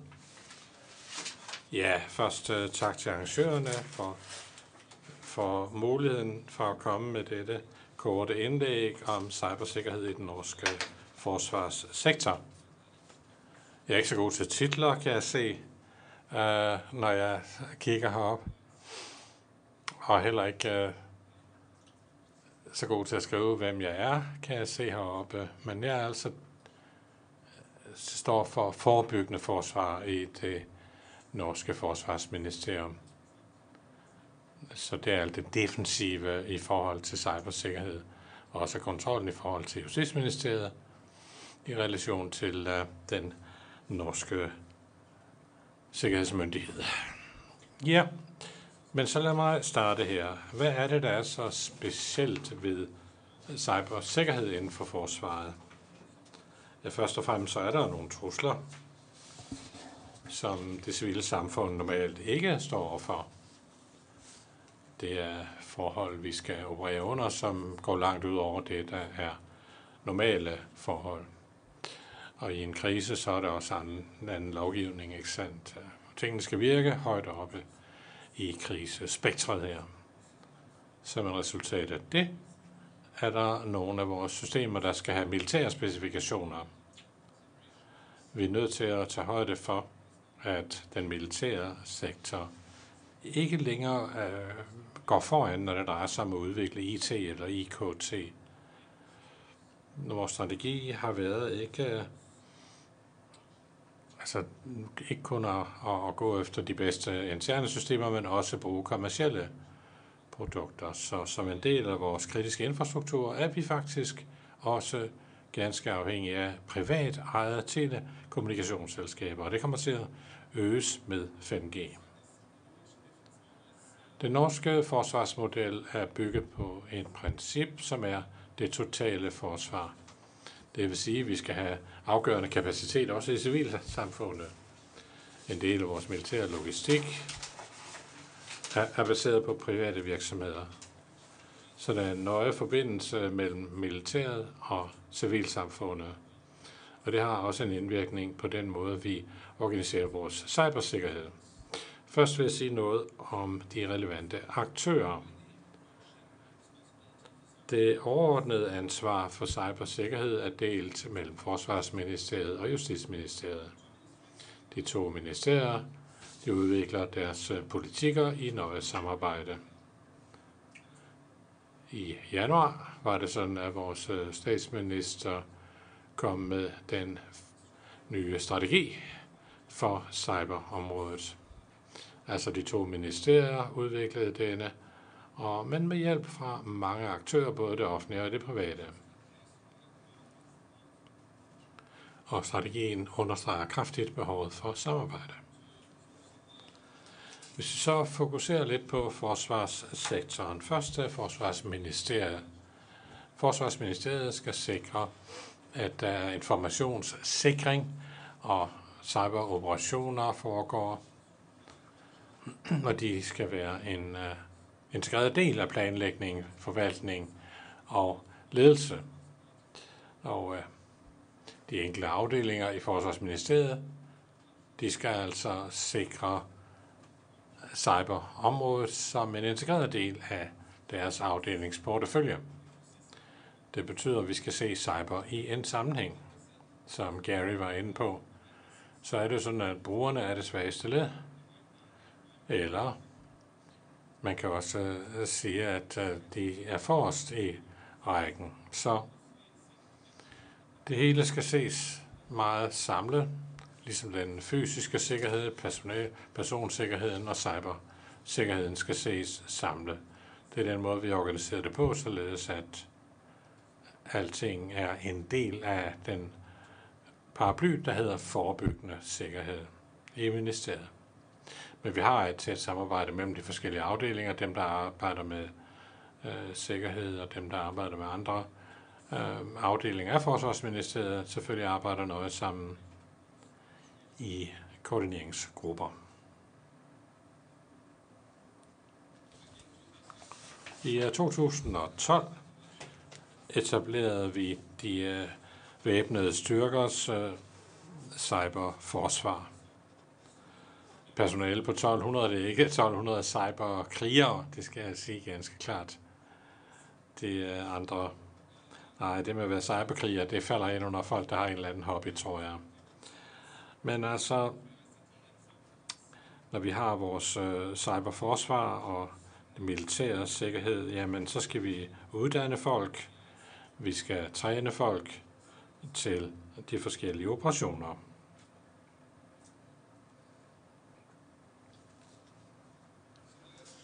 Så altså, cyberforsvaret i de væbnede styrker har ansvaret for dette. Det er Martin Dark her på billedet. Det gule, det er efterretningstjenesten. Det er efterretningstjenesten, der er ansvaret for det gule, NIS. NIS, de har også ansvar for de offensive cyberoperationer vedrørende udnyttelse og angreb. Som øh, det er direktøren for NIS, der også har ansvaret for at koordinere militærets defensive cyberoperationer. Og det er fordi inden for cyberområdet er der ofte blandede interesser. Der kan være rent forsvarsmæssige. Man vil gerne have aggressoren ud af systemet og komme tilbage til normaltilstanden. Øh, men øh, fra politiets side kan det være, at det er bedre at holde døren åben, ligesom for at kunne øh, finde ud af, hvem det er, der er modstanderen. Så den koordinerende rolle, koordinerende rolle er selvfølgelig vigtig. Og det er et område, som virkelig kræver regulering. Det er vigtigt. 2014, der fik vi så udviklet nogle cyber-retningslinjer for forsvarsområdet. Myndigheder, roller og, roller og ansvars områder. Øh, det, det vanskeligste drøftelser var faktisk øh, spørgsmålet om ligesom at udvikle en fælles ordbog, fælles øh, begreber, både på det politiske og det tekniske niveau. Vi skal tale det samme sprog, så vi forstår, hvad vi taler om. Og hvad er det, der gør de her drøftelser så vanskelige? Jo, men det er jo, at når man har terminologien, så kan man også definere indholdet. Når man øh, taler på det øverste niveau, så kan vi alle sammen sagtens blive enige. Men når man så går i detaljerne, så er vi ikke enige mere. Ikke? Så øh, vi brugte lang tid på det. At fastlægge øh, terminologien. Men ja, vi tog kontrol over det og lavede retningslinjerne. De fungerer også fint. Nu har vi også for nylig etableret et sæt nationale retningslinjer. Hvordan skal vi håndtere spørgsmålet om ikke sandt, og finde ud af, hvem gerningsmændene er i en given situation. Hvad, hvordan skal vi gøre det? Skal vi gå ud og gøre noget, eller skal vi sidde stille? Hvordan skal vi finde ud af det? Men at en del af det er selvfølgelig klassificeret information.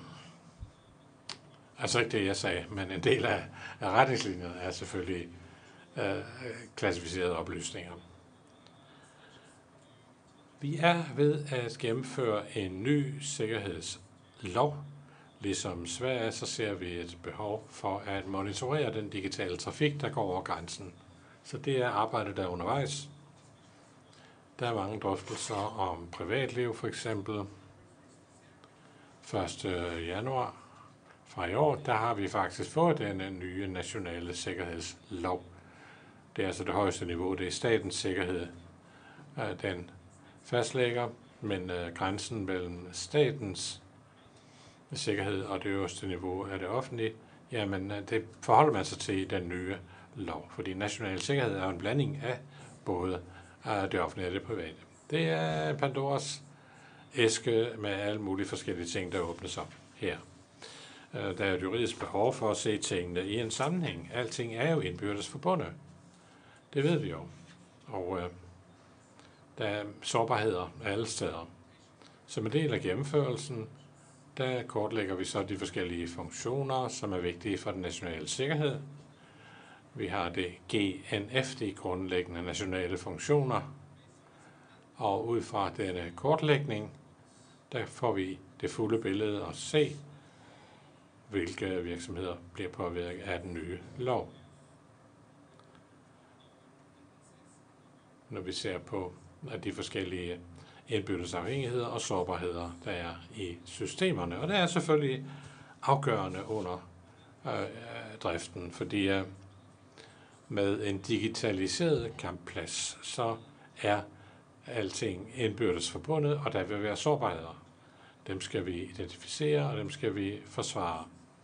Ser vi på et samlet forsvar, et totalforsvar, så omfatter det også civilsamfundet og cyberdomænet bliver en del af fremtidige konflikter. Så hvordan skal vi imødegå det? Ja, vores tilgang er, at vi skal fokusere på risikoreduktion. Early warning, tidlig advarsel, øh, igennem øh, opdaterede oplysninger. Jeg har allerede nævnt de to første punkter heroppe, hvor cyberforsvar i forsvaret og i efterretningstjenesten. Øh, derudover der kan man sige, at der er en yderligere vigtige aktør, det er den norske sikkerhedsmyndighed, som spiller en central rolle. Man lavede det første sæt af, overordnede øh, sensorer, som øh, indsamler oplysninger, både militært og privat, i et sensornetværk. At få udviklet denne form for sensorer er virkelig et våbenkapløb. Man er nødt til at bruge mange penge på det. 500 millioner norske kroner har vi lige øh, afsat til at udvikle næste generation af sensorer. Det er faktisk 12 forskellige små projekter, ikke kun om sensorer, men også om øh, sikkerhed, sikre, sikker e-mail-systemer osv. Men i det væsentlige er det sensorerne, der er den største del. Så det er altså en af vores vigtige punkter. Det er et militært projekt. Det er militærets behov, der driver det, men det, er, det kan bruges inden for begge områder, for det har også stor indvirkning på det civile område. Så vi hjælper også den civile side meget med dette projekt. Derudover så er det sådan, at fra i år, der har vi øh, etableret et nationalt cybersikkerhedscenter, eller flere sikkerhedscentre faktisk. Men det er ikke kun et skift af navnet, det er, at der ligger mere i det nu, end der gjorde før. Øhm, det er stadig under den nationale sikkerhedsmyndighed, og det er det der NORCERT-arbejde, som det er en del af.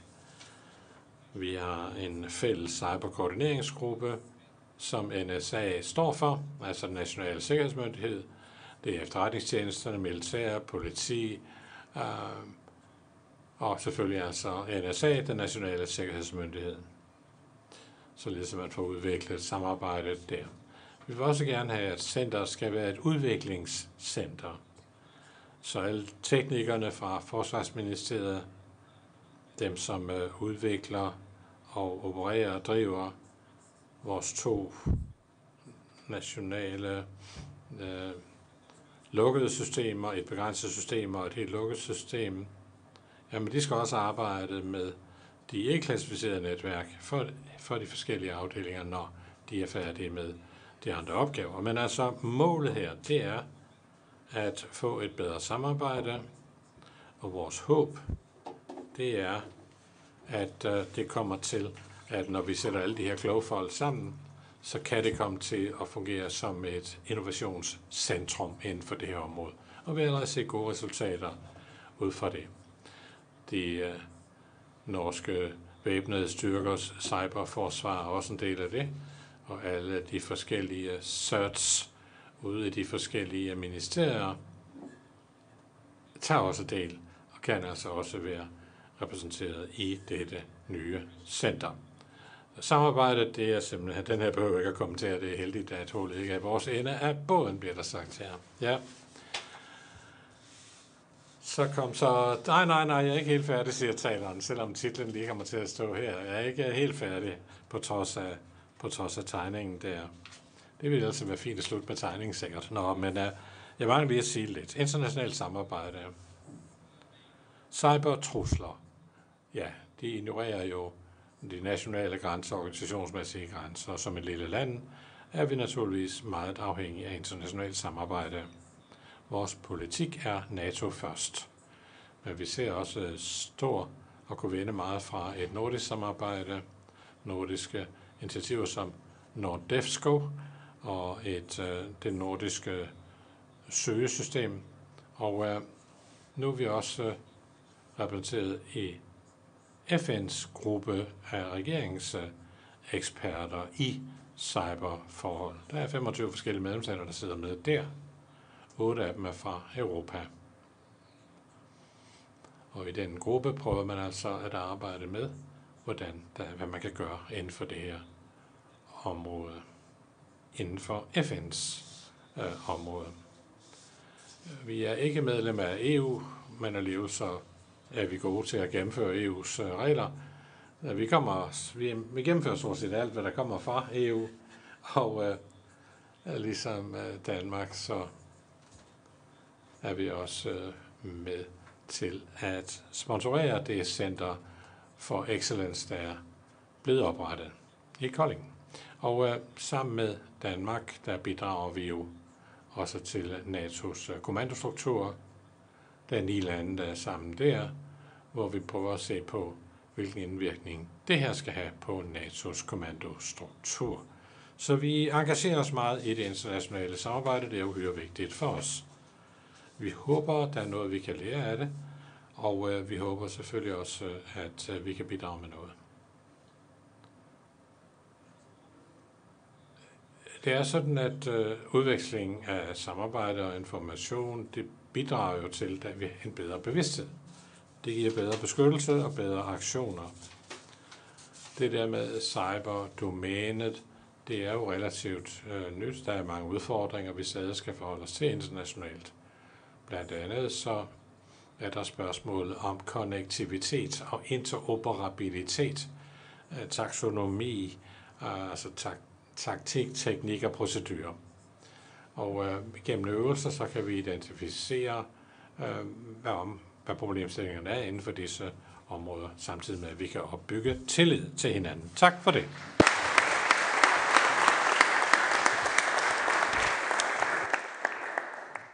Thank you so much, uh, Ole.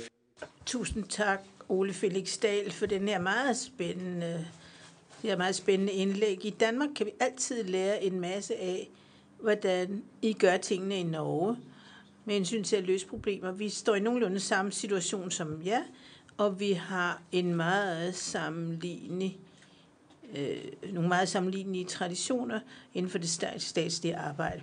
Så tak for hvad, dine ord. Jeg synes, at de her tre meget interessante indlæg er et fremragende udgangspunkt for den debat, vi kan have i løbet af de sidste 20 minutter, vi har til rådighed, inden receptionen udenfor er parat. Så lad os få sparket det i gang. Jeg mener, at vi på mange måder er inde i en periode, hvor som kan sammenlignes med perioden lige efter 2. verdenskrig, 45 til 48, hvor der var en hel masse ting, der mere eller mindre svævede, og nye lande skulle forstå, hvad der foregik.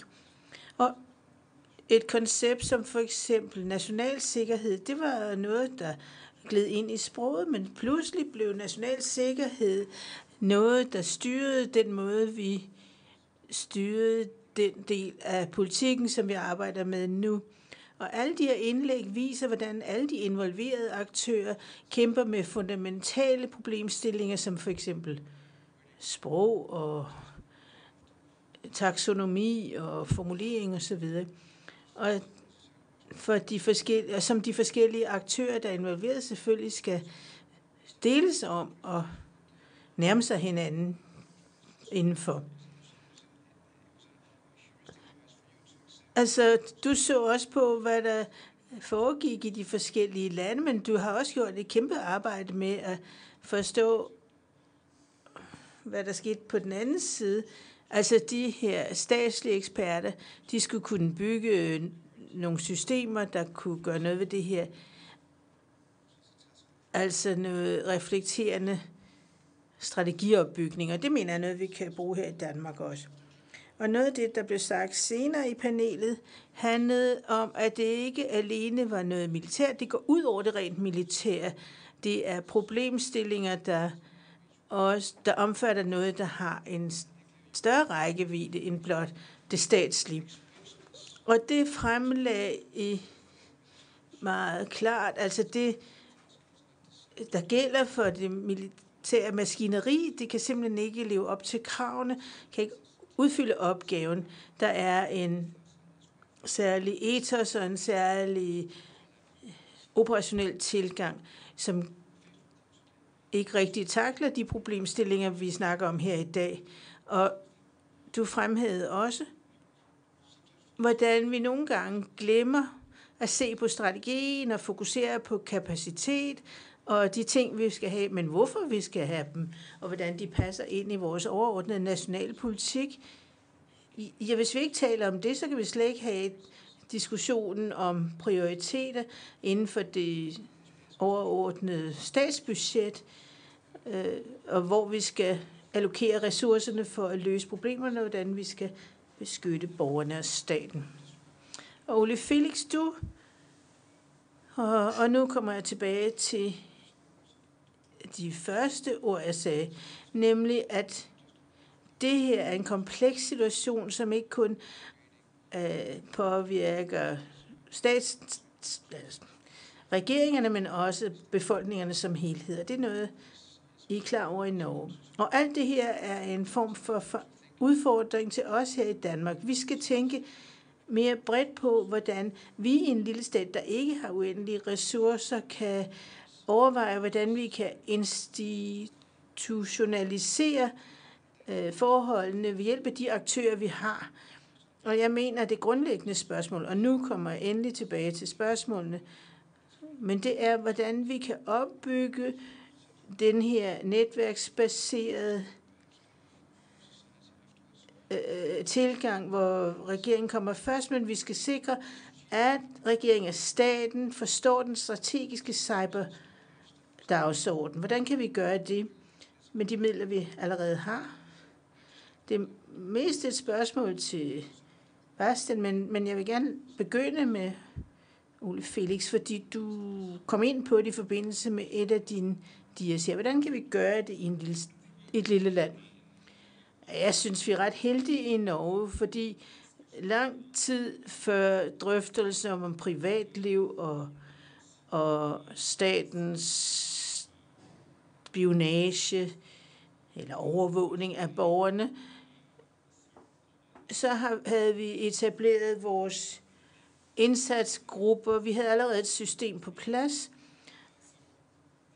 Så drøftelserne i forbindelse med etableringen af det her, var baseret på en tillid, der allerede var til stede, og det var en god ting for os. Men vi skal sikre os, at alle interessenterne indgår i dialog, og at, de ikke, at vi ikke fordeler ansvaret på for mange enheder. Vi skal have en eller anden form for logik i tilrettelæggelsen af alt det her. For ellers så opbygger man noget på mange forskellige områder, i mange forskellige enheder, og nogle gange skal man bare sætte sig ned og finde ud af, hvor tingene skal placeres. Så vi har flyttet rundt på en hel masse ansvarsområder her. Men for at få alle interessanterne sammen, ja, det er vigtigt, og vi skal inddrage dem i drøftelserne. Det er helt vitalt. Og vi har nu etableret, eller op, indført en national cybersikkerhedsstrategi, og der har vi ret mange private enheder inddraget i drøftelserne. Vi forsøger at få lagt mere og mere ansvar ud til dem, for, for at få inddraget i processen. Lige, ja? Ja, det er bare lige for at øh, tilføje, at det er spørgsmål om tillid. At når man organiserer cybersikkerhed, er selvfølgelig vigtigt. I beslutningen i slutningen af 2002 besluttede Israel og etablere en kritisk infrastrukturbeskyttelse, hvor regeringen besluttede, hvilke organisationer er afgørende betydning, kritisk betydning, og så kunne man uh, sige til dem, hvad de skulle gøre, øh, forhåbentlig ved hjælp af eksperter, og det har fungeret fint nok. Men i 2010 allerede var det sådan, at uh, de anbefalinger, der var blevet den nationale strategi, ja, der lå der altså en anbefaling om, at den her funktion skulle ligge i et nyt civilt agentur. Fordi det lå faktisk i Shabab, altså det interne sikkerhedsagentur, øh, lå det. Men øh, det er det samme problemstilling. Øh, hvis du har efterretningsagentur, øh, som, som har til formål at forebygge, at ting sker, så vil det efterhånden Øh, være fristet til at bruge den her adgang til andre ting. Øh, så altså det øh, cyberdirektorat, der blev etableret i 2012, er civilt. Det kan ikke, der er ingen lovhåndhævelse, der er ikke nogen efterretningsfunktion, der er ikke nogen forsvarsmission. Så det er egentlig imod, hvad man sådan skulle forvente. Men øh, så altså efter 2015, der flytter man også andre dele til denne civile organisation. Så det er næsten et paradoks, at for at kunne bedre kunne beskytte borgerne, så er man nødt til at gøre det på en ny måde, ikke på den uh, traditionelle måde når det drejer sig om lovhåndhævelse. Fordi øh, så kunne folk have øh, et incitament til ikke at samarbejde med dem. I virkeligheden er det mod, hvad man skulle forvente, men øh, at ansvaret for efterretninger ligger i det civile.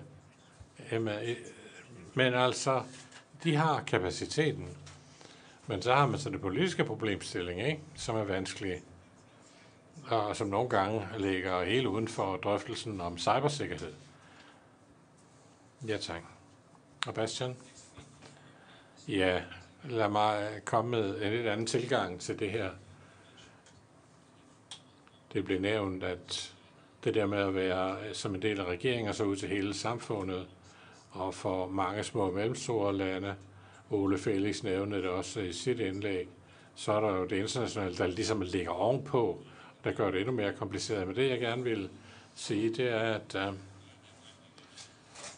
selvom der kan være mange forskellige måder at organisere tingene på i praksis, hvordan får man en fælles trusselsvurdering, hvordan har man en dialog, hvordan organiserer man interessenterne, og hvordan øh, fordeler man ansvaret. Så vil jeg sige, at en af de problemer, mindre lande har, det er at nå en så, en, en omf, et omfang, en størrelse og en hurtighed, ligesom at nå en masse, øh, en kritisk masse inden for det her område, og dermed kunne følge med. Jeg tror, det er det der problemet, som skal løses.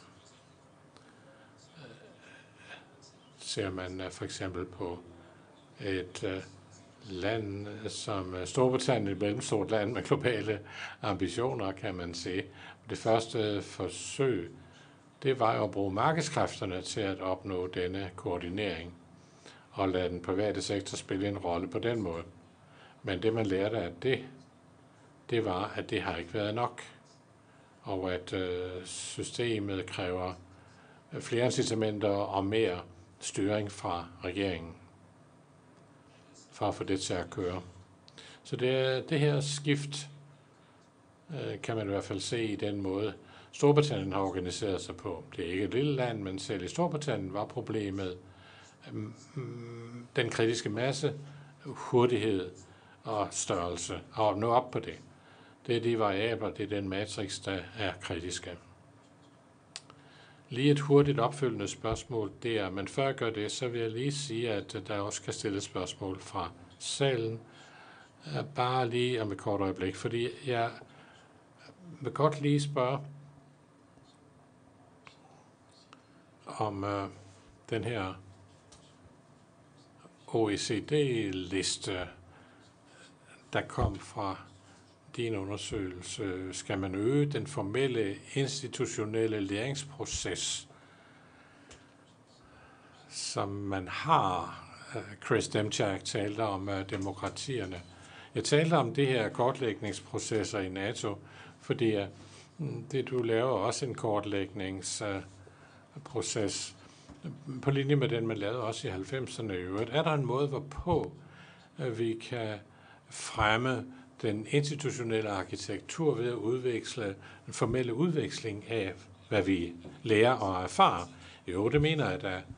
Øh, på den måde mener jeg ikke, at cyberområdet er anderledes end andre områder. Der er helt sikkert plads til det. Lad os komme med et praktisk eksempel. Jeg tror, det var Ole, der nævnte det. Øh, det der med, hvordan man skal øh, finde ud af, hvem, hvem der har gjort tingene. Der er forskellige modeller. Nogle øh, mener, at øh, det er godt, at man skal sætte navn på, hvem der har gjort et eller andet. Øh, og andre lande tager en anden tilgang. Og der er så noget, der ligger midt imellem. Er der noget af denne ændring i adfærd i forhold til den trussel eller aktør, som, som man er forstyrret af? Hvordan skal man tilgå det? Det kan jo også spille ind, når man laver sin politik og omformer sin politik. Og jeg er sikker på, at der foregår noget sådan, men uh, dit spørgsmål går nok på, at der kunne være plads til mere. Men uh, når vi ser på disse praktiske problemer, så tror jeg og mener jeg, at der er meget at gøre. Efterhånden, som vi bevæger os ud over blot at uh, etablere øh, krigens regler, som de var oprindeligt, men altså, når vi skal arbejde på det her område, så har vi måske også brug for mere udveksling af oplysninger. Der er et spørgsmål hernede. Jeg hedder John Foley. Jeg er administrerende direktør for et cybersikkerhedsselskab. Jeg har et system, et spørgsmål, for jeg mener, at Israel har gjort det rigtigt. Vi har haft fred i Europa i næsten 70 år nu, og Israel har mere eller mindre været i krig hele tiden, næsten på daglig basis. Jeg havde lejlighed til at tale jeres øh, sikkerhedsdirektør Jigar Luna for nogle få måneder siden, og han fortalte mig, hvorfor I har ændret strategi. Altså, nu skal det ikke være militæret, der træffer alle de nødvendige foranstaltninger, og han siger, vi er nu, vi nu rapporterer vi direkte til premierministerne. Så i stedet for at lade Mossad eller andre efterretningsfolk eller militæret styre det hele, for de er jo selvfølgelig nødvendige stadigvæk, så forholder sig nu anderledes. Så kunne du måske sige noget om, hvorfor du finder det mere relevant at lægge det over i den civile sfære, således at vi kan se det i et helhedsperspektiv, rent statsligt og befolkningsmæssigt, fordi fordi det er et tveægget svær, når vi taler om cyberangreb. Og måske har vi våben, masse disruptionsvåben. Ja, jeg skal sige og understrege, at der er en klar forskel på forsvaret af den civile sektor, og det er en relativt ny organisation under statsministeriet. Og og det er noget, der, der ligger inden for de militære organisationer og samarbejdet der. Men der er en meget stærk tro på og tilhørende lovgivning, at brugen af cyberangreb vil blive retsforfulgt. Så hackerne gør det for almenvældets skyld, hvis de gør det fra Is- hvis de gør det i Israel, så vil de blive retsforfulgt. Det er helt klart. Men beskyttelsen af den civile cybersektor ligger inden for en civil organisation. Det er deres ansvarsområde. For i øjeblikket er de fleste redskaber, vi kan bruge til at sikre cybersikkerhed, altså de vil kunne opfylde målene. Og det en balance, der kan accepteres i visse tilfælde, men det er ikke umiddelbart acceptabelt i Israel. Og så længe det forholder sig sådan,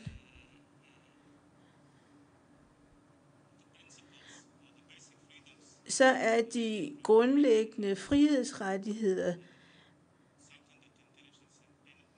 altså de forhindrer efterretningssystemet systemerne i at gøre visse ting, og det vil det civile samfund acceptere. Vi ved, hvordan vi skal gøre tingene og kan gøre tingene, men vi får ikke lov. Og så siger vi tak, det kommer så ikke længere os ved. Altså, i Israel er det sådan, at man for at kunne analysere netværkstrafik og identificere ondsindede øh, forhold, så skal man have adgang til indhold. Og hvis man har det, så kan man ændre situationen. Men indtil det forholder sig sådan, så skal det være underlagt en civil organisation. Og hvorfor lagde vi så ind under statsministeriet? Ja, fordi det er en ny, min lille organisation med få ressourcer, som uundgåeligt vil komme i konflikt med andre interessenter. Og det er derfor, at det skal være statsministeren, premierministeren, der bestemmer. Så det man fandt, at det var en god idé at lægge det tæt på statsministeren, og det er hovedårsagen til det. Ole Felix, hvordan organiserer I det i Norge? Hvordan sikrer I overgangen mellem militær og forsvarsministerium til andre områder? Hvordan håndterer I det i praksis? Er det problematisk, eller hvordan er det? Eller er det ligesom alle andre politiske forhold? Ja, jeg vil gerne lige gøre det klart. Altså for februar i år er det ministerium, der har ansvar for NSA, altså der, hvor det nationale cybersikkerhedscenter, ja, det blev flyttet fra forsvarsministeriet, eller fra forsvarsministeren til justitsministeriet. Så NSA leverer stadigvæk de samme hmm, hvad hedder det nu? At udføre det samme arbejde. Leverer de samme ydelser til ministeriet, som de gjorde før. Men det er bare resortministeriet, der har ændret sig. NSA har aldrig været en del af militæret. Det er en form for hemmelig efterretningstjeneste. Og vi har faktisk været igennem nogenlunde den samme proces. Og det var noget, der blev talt meget om omkring 2011. Og vi har haft, haft en enhed i militæret. Og de blev anklaget for at gøre noget, de ikke burde gøre. Så der var der meget palaver om på det tidspunkt. Vi har i øjeblikket to afdelinger. Vi har to ministerier, der har ansvar for at øh, kontrollere NSA. Så vi har den tilgang, at det vi gør har tjener to formål. Altså det, der bliver gjort på det militære plan, har positiv indvirkning på det civile plan og omvendt. Det er den måde, vi forsøger at gøre det på. Og da, når vi taler om en hemmelig efterretningstjeneste, så er der selvfølgelig også øh, efterretningsting, øh, der kommer i spil. Og det er meget vigtigt, når vi taler om tidlig advarsel. Vi er lidt bange for, at det vil holde op med at fungere, hvis de to kommer for langt fra hinanden, fordi det er meget vigtigt, at de kan dele oplysninger og udveksle oplysninger. Men, men så har vi et nye sikkerhedslov, hvor vi har en ny national sikkerhedsmyndighed, og den er forpligtet til at udveksle information med andre relevante aktører. Tak. Bastian, er det også noget, I ser på øh, hos jer? Falder det inden for de forskellige regulatoriske rammer? Ja, i høj grad. Og igen vil jeg gerne fremhæve, at der er adskillige modeller øh, i spil. For eksempel har Storbritannien valgt, og det gjorde de vist i 2014, at have et øh, cyberprogram, som en form for joint venture mellem GCHQ og Forsvarsministeriet. Frankrig derimod øh, skældner klart mellem offensiv og defensiv, når det gælder cyberoperationer.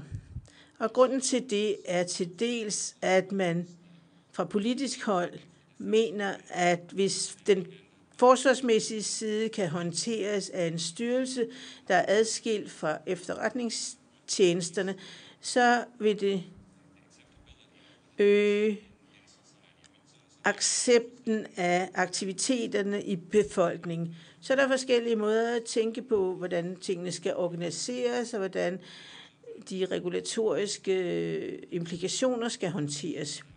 Og Frankrig har øh, nu udsendt en doktrin for cyberaktioner. Og man kan se, at, således se, at der i Europa er forskellige måder at angribe det her nye felt på. Tusind tak. Yeah, hi, this is hopefully a... Ja, lige et hurtigt spørgsmål til Bastian. Det spørgsmål, jeg har, når du ser på alt det her, så ser du på det ikke militære. Ser du på, øh, hvor meget man investerer i sikkerhed og i sikkerhedsselskaber, hvilke lande har øh, antivirus øh, virksomheder osv. osv.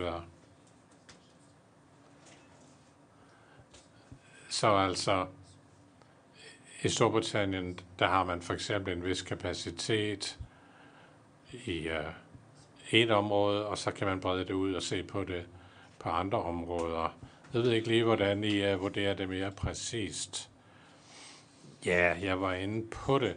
Øh, det militære udgør en del af en bredere vurdering af, jeg vil ikke sige cyberstyrke, men cyberkapacitet, den bredere cyberkapacitet, der udgør det militære en del af det. Og øh, ja, man kan jo ikke antage øh, i virkeligheden, at man helt kan holde tingene adskilt, men vi er nødt til at gøre det i de modeller, vi arbejder med. Så altså jo, det er ikke, hvad vi gør der, hvor jeg sidder, men altså vores cyber-team, de arbejder også med disse andre elementer, som du var inde på. Hvem der ellers er aktører, som er en ikke-militær art, men kan være forbundet til det militære. Så det, det drejer sig om, det er, at for at kunne komme til en vurdering, der må ideen jo være, at man skal kunne forbinde det tilbage til bestemte øhm, elementer i øh, ens informationsstyrke. Øhm, ja, det kan så være relateret på forskellige måder mellem modellen og det, man så kan observere. Ikke sandt? Og så kommer vi så med vores vurdering ud for det, og det gælder både for det militære, og så også de andre ikke-militære områder, som du lige var inde på. Og et spørgsmål mere. Det er Morten Hedman Vestergaard, Danish Atlantic Council. Ja, meget øh, bruges øh, i fredstid som politisk signal, kan man sige. Øh, kan man bruge øh, cyberoperationer på en lignende måde? Cyber, det er jo tit hemmelige operationer. Skal det fortsat med at være? Um, kan, kan vi have sådan en, uh, en landskamp imellem landene der på cyberområdet? Ikke? Uh, så bliver I cyberhovedstad, hvis I vinder den her konkurrence. Uh, cyber som, som et signal, som med signalværdi. Ah, altså, nu har vi jo nogen erfaring med driften, og nu er det en mere moden drøftelse, kan man sige. Jo, man kan, man kan godt uh, forsøge at ramme forskellige mål. Det er ikke let at opnå noget ud af det. Hele ideen om, hvem der har ansvaret for det ene og det andet, og det med, at det er hemmeligholdte operationer, ah, jeg synes, at det mister man, hvis man prøver at bruge det til, som en signalværdi. Det, det tror jeg ikke er, så, så ej, lad mig også med at sige det. Der er der andre metoder, andre værktøjer, synes jeg, andre måder, man kan sende signaler på, som ikke behøver at være operationer. Lad os nu se nogle major i Ægypten eller Iran. Nå, der, Øh, der er en eller anden uh, Mossad-spion, der har taget billeder af, af en, en delfin, eller hvad pokker det er, et eller andet eller skudt en delfin. Altså, der er noget, der kan ligge inden for det civile, og man kan, altså, der kunne være andre ting, som ligesom har en markedsføringsformål. Militære demonstrationer, nej, nej, det skal man ikke øh, sådan offentliggøre på den måde. Der er stort set ikke mere tid. Jeg, det er meningen, at jeg i virkeligheden skulle runde af, men jeg vil bruge min afrundingstid til at stille et spørgsmål inden, men vi behøver altså ikke at tale lang tid nu, I kan godt tale nogle minutter hver, men ellers så er der altså drinks udenfor lige om et øjeblik. Men altså, jeg vil godt lige komme tilbage selv til det sidste, jeg sagde i min indledning. Det var min lille bøn om, at vi skulle tale lidt om demokratier også. Og spørgsmålet om demokratisk øh, tilsyn med tingene, overvågning af tingene. I jeres perspektiv, hvad er så de største udfordringer? og Hvilke muligheder er der, når det drejer sig om, at parlamenter og offentligheden ligesom er med, kan følge med i, hvad der foregår, når det drejer sig om den her dagsorden, mm, når man sammenligner med almindelige nationale sikkerhedsproblemstillinger?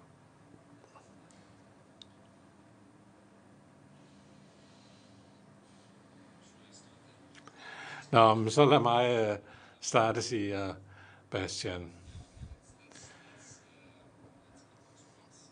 Ja, lad os se at komme ud for en dreng. Men altså, hvordan skal vi, hvordan skal vi uh, svare på det her spørgsmål? Det går jo lidt tilbage til den her tankemåde, som ligger bag det, når vi siger hele samfundet. Fordi uh, der er en tendens til måske at se nogle af udfordringerne inden for cybersikkerhed som noget, der sker sådan for den enkelte, uden at man forstår det som en udfordring for hele samfundet, og måske endda en udfordring for demokratiet. På et tidspunkt, hvor der er fragmentering, øh, der er ikke kun øh, det er ikke kun sådan, at man har de to store magter mere, det, det er noget andet nu. Så altså, vi skal se på vores øh, præferencer i den forbindelse. Der er den udfordring, og det skal vi erkende. Det skal være udgangspunktet, at verden er en anden. Men altså, noget andet er, at meget af det kan man ikke se. Jeg kan godt forklare, hvorfor den og den uh, udgør en uh, trussel, fordi jeg kan godt lave en model og fortælle noget om sådan og sådan, hvad der kan gøres derfra. Men det er sværere, fordi det kan ikke ses meget af det. Noget af det, der gøres inden for cyberspace, det ved vi jo ikke om, før det bliver brugt, og når det først er brugt, så er det tabt, kan man sige. Så altså, det er svært at have en sammenhængende dialog om de her emner. Men det skulle ikke være umuligt. En af de andre udfordringer er simpelthen også sproget. Der er en meget teknisk drøftelse, som er svær ligesom at trænge ind i, og også svær at kommunikere. Så øh, måske skal vi tænke over sprog og analogier, som kan være til nytte. Måske lyder det lidt mærkeligt, men jeg synes ikke, man skal gøre samtalen om de her emner for militær. Ja, der er et militært undersæt af problemstillinger, men det er ikke på den måde primært en militær ting, det her. Det er en overordnet ting. Så det er i hvert fald uh, det, jeg vil tage udgangspunkt i. Det er ikke et svar på de spørgsmål, det ved jeg godt. Det jeg lige sådan har bevæget mig rundt omkring her. Men altså, tankemåden, tilgangen er vigtig. Og uh, problemet med at få en uh, forståelig diskurs, det er uh, stadig et stort problem, det synes jeg. Um, well, we have to. Altså, vi skal hele tiden sikre... Nå. Altså, vi skal se på to ting. At det ene er frihedsrettigheder, og det andet er cybersikkerhed, og det skal selvfølgelig ske gennem politisk diskurs, altså som de politiske partier tager op i øh, parlamenterne. Altså, og vi skal også se på de internationale forhold. Og så skal vi også se lidt på den kinesiske model. De vestlige niveauer, altså tillidsniveauer, hvad angår politikere, er præget af, at der har været nogle dårlige resultater. Og det er et problem. Folk øh, giver allerede nu udtryk for, at de er utilfredse med det demokratiske systems formåenhed, og det er noget, man skal tage hensyn til. Og på den ene side vil gerne have tingene til at fungere, men på den anden side er det ikke givet, at folk vil have tillid til, at tingene vil fungere. Så vi bliver nødt til at øh, komme med nogle alternativer. Vi skal for eksempel have mulighed for at operere uden at skulle vente på, at lovgivningen bliver vedtaget. Øh, altså altså Israel er det for eksempel, sådan, og sådan er det også i Italien, hvor de politiske koalisationer ændrer sig hele tiden, så tager lang tid. Og det er et problem. Der er ting, man skal kunne planlægge og forberede, og vi skal øh, måske kunne øh, drøfte det her øh, med regelmæssigt i forsvarsudvalgene. Men det er ikke sandsynligt, at det vil ske. Så er det Olaf Felix. Ja, Bastian sagde, at den lidt hemmelighedsfulde natur, eller vi snakker om her, altså øh, får det til at se ud, som om det er en militær øvelse. Men det, det, at det, det er sådan, man ser på det i civilsamfundet. Men, og det er svært at kunne kommunikere om den store potentielle påvirkning, det vil have. Vi taler måske om en artikel 5 situation. Det er vanskeligt at vise, hvordan det reelt forholder sig. Men når vi taler om immaterielle aktiver, så er det let at se, hvilken indvirkning det har, når noget bliver udsat for et angreb, altså en privat virksomhed for eksempel bliver angrebet. Hvis man ser på et øh, uidentificerbart skib, der ligner ens eget, som kommer ud af en havn et eller andet sted. Det er et eksempel. Altså, så åbenhed er selvfølgelig meget vigtigt. Virksomhederne, som oplever en form for cyberangreb, skal være åbne om virkningerne og ulemperne. På den måde er det lettere at kommunikere om hele det her problemkompleks. Tusind tak alle tre. I har været et fantastisk panel, og jeg ser meget frem til at fortsætte drøftelserne, når vi nu går ud og får en drink. Vi har haft øh, nogle brede altså præsentationer, og det her er et vigtigt problem inden for den nationale sikkerhed, som har indvirkning på andre politiske områder og på forholdet mellem den private og den offentlige sektor. Det har indvirkning på staten og regeringerne og på øh, de forskellige strategier, vi vedtager i den her forbindelse. Det er en diskussion, vi ikke kan afslutte i dag. Vi er bare ved starten af den. Men tak til alle sammen for, at I kom her i dag, og jeg håber, I kommer ud og får en drink bagefter.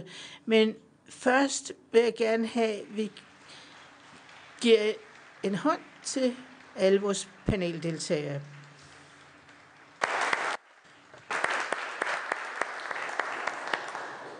Thank you so much for coming.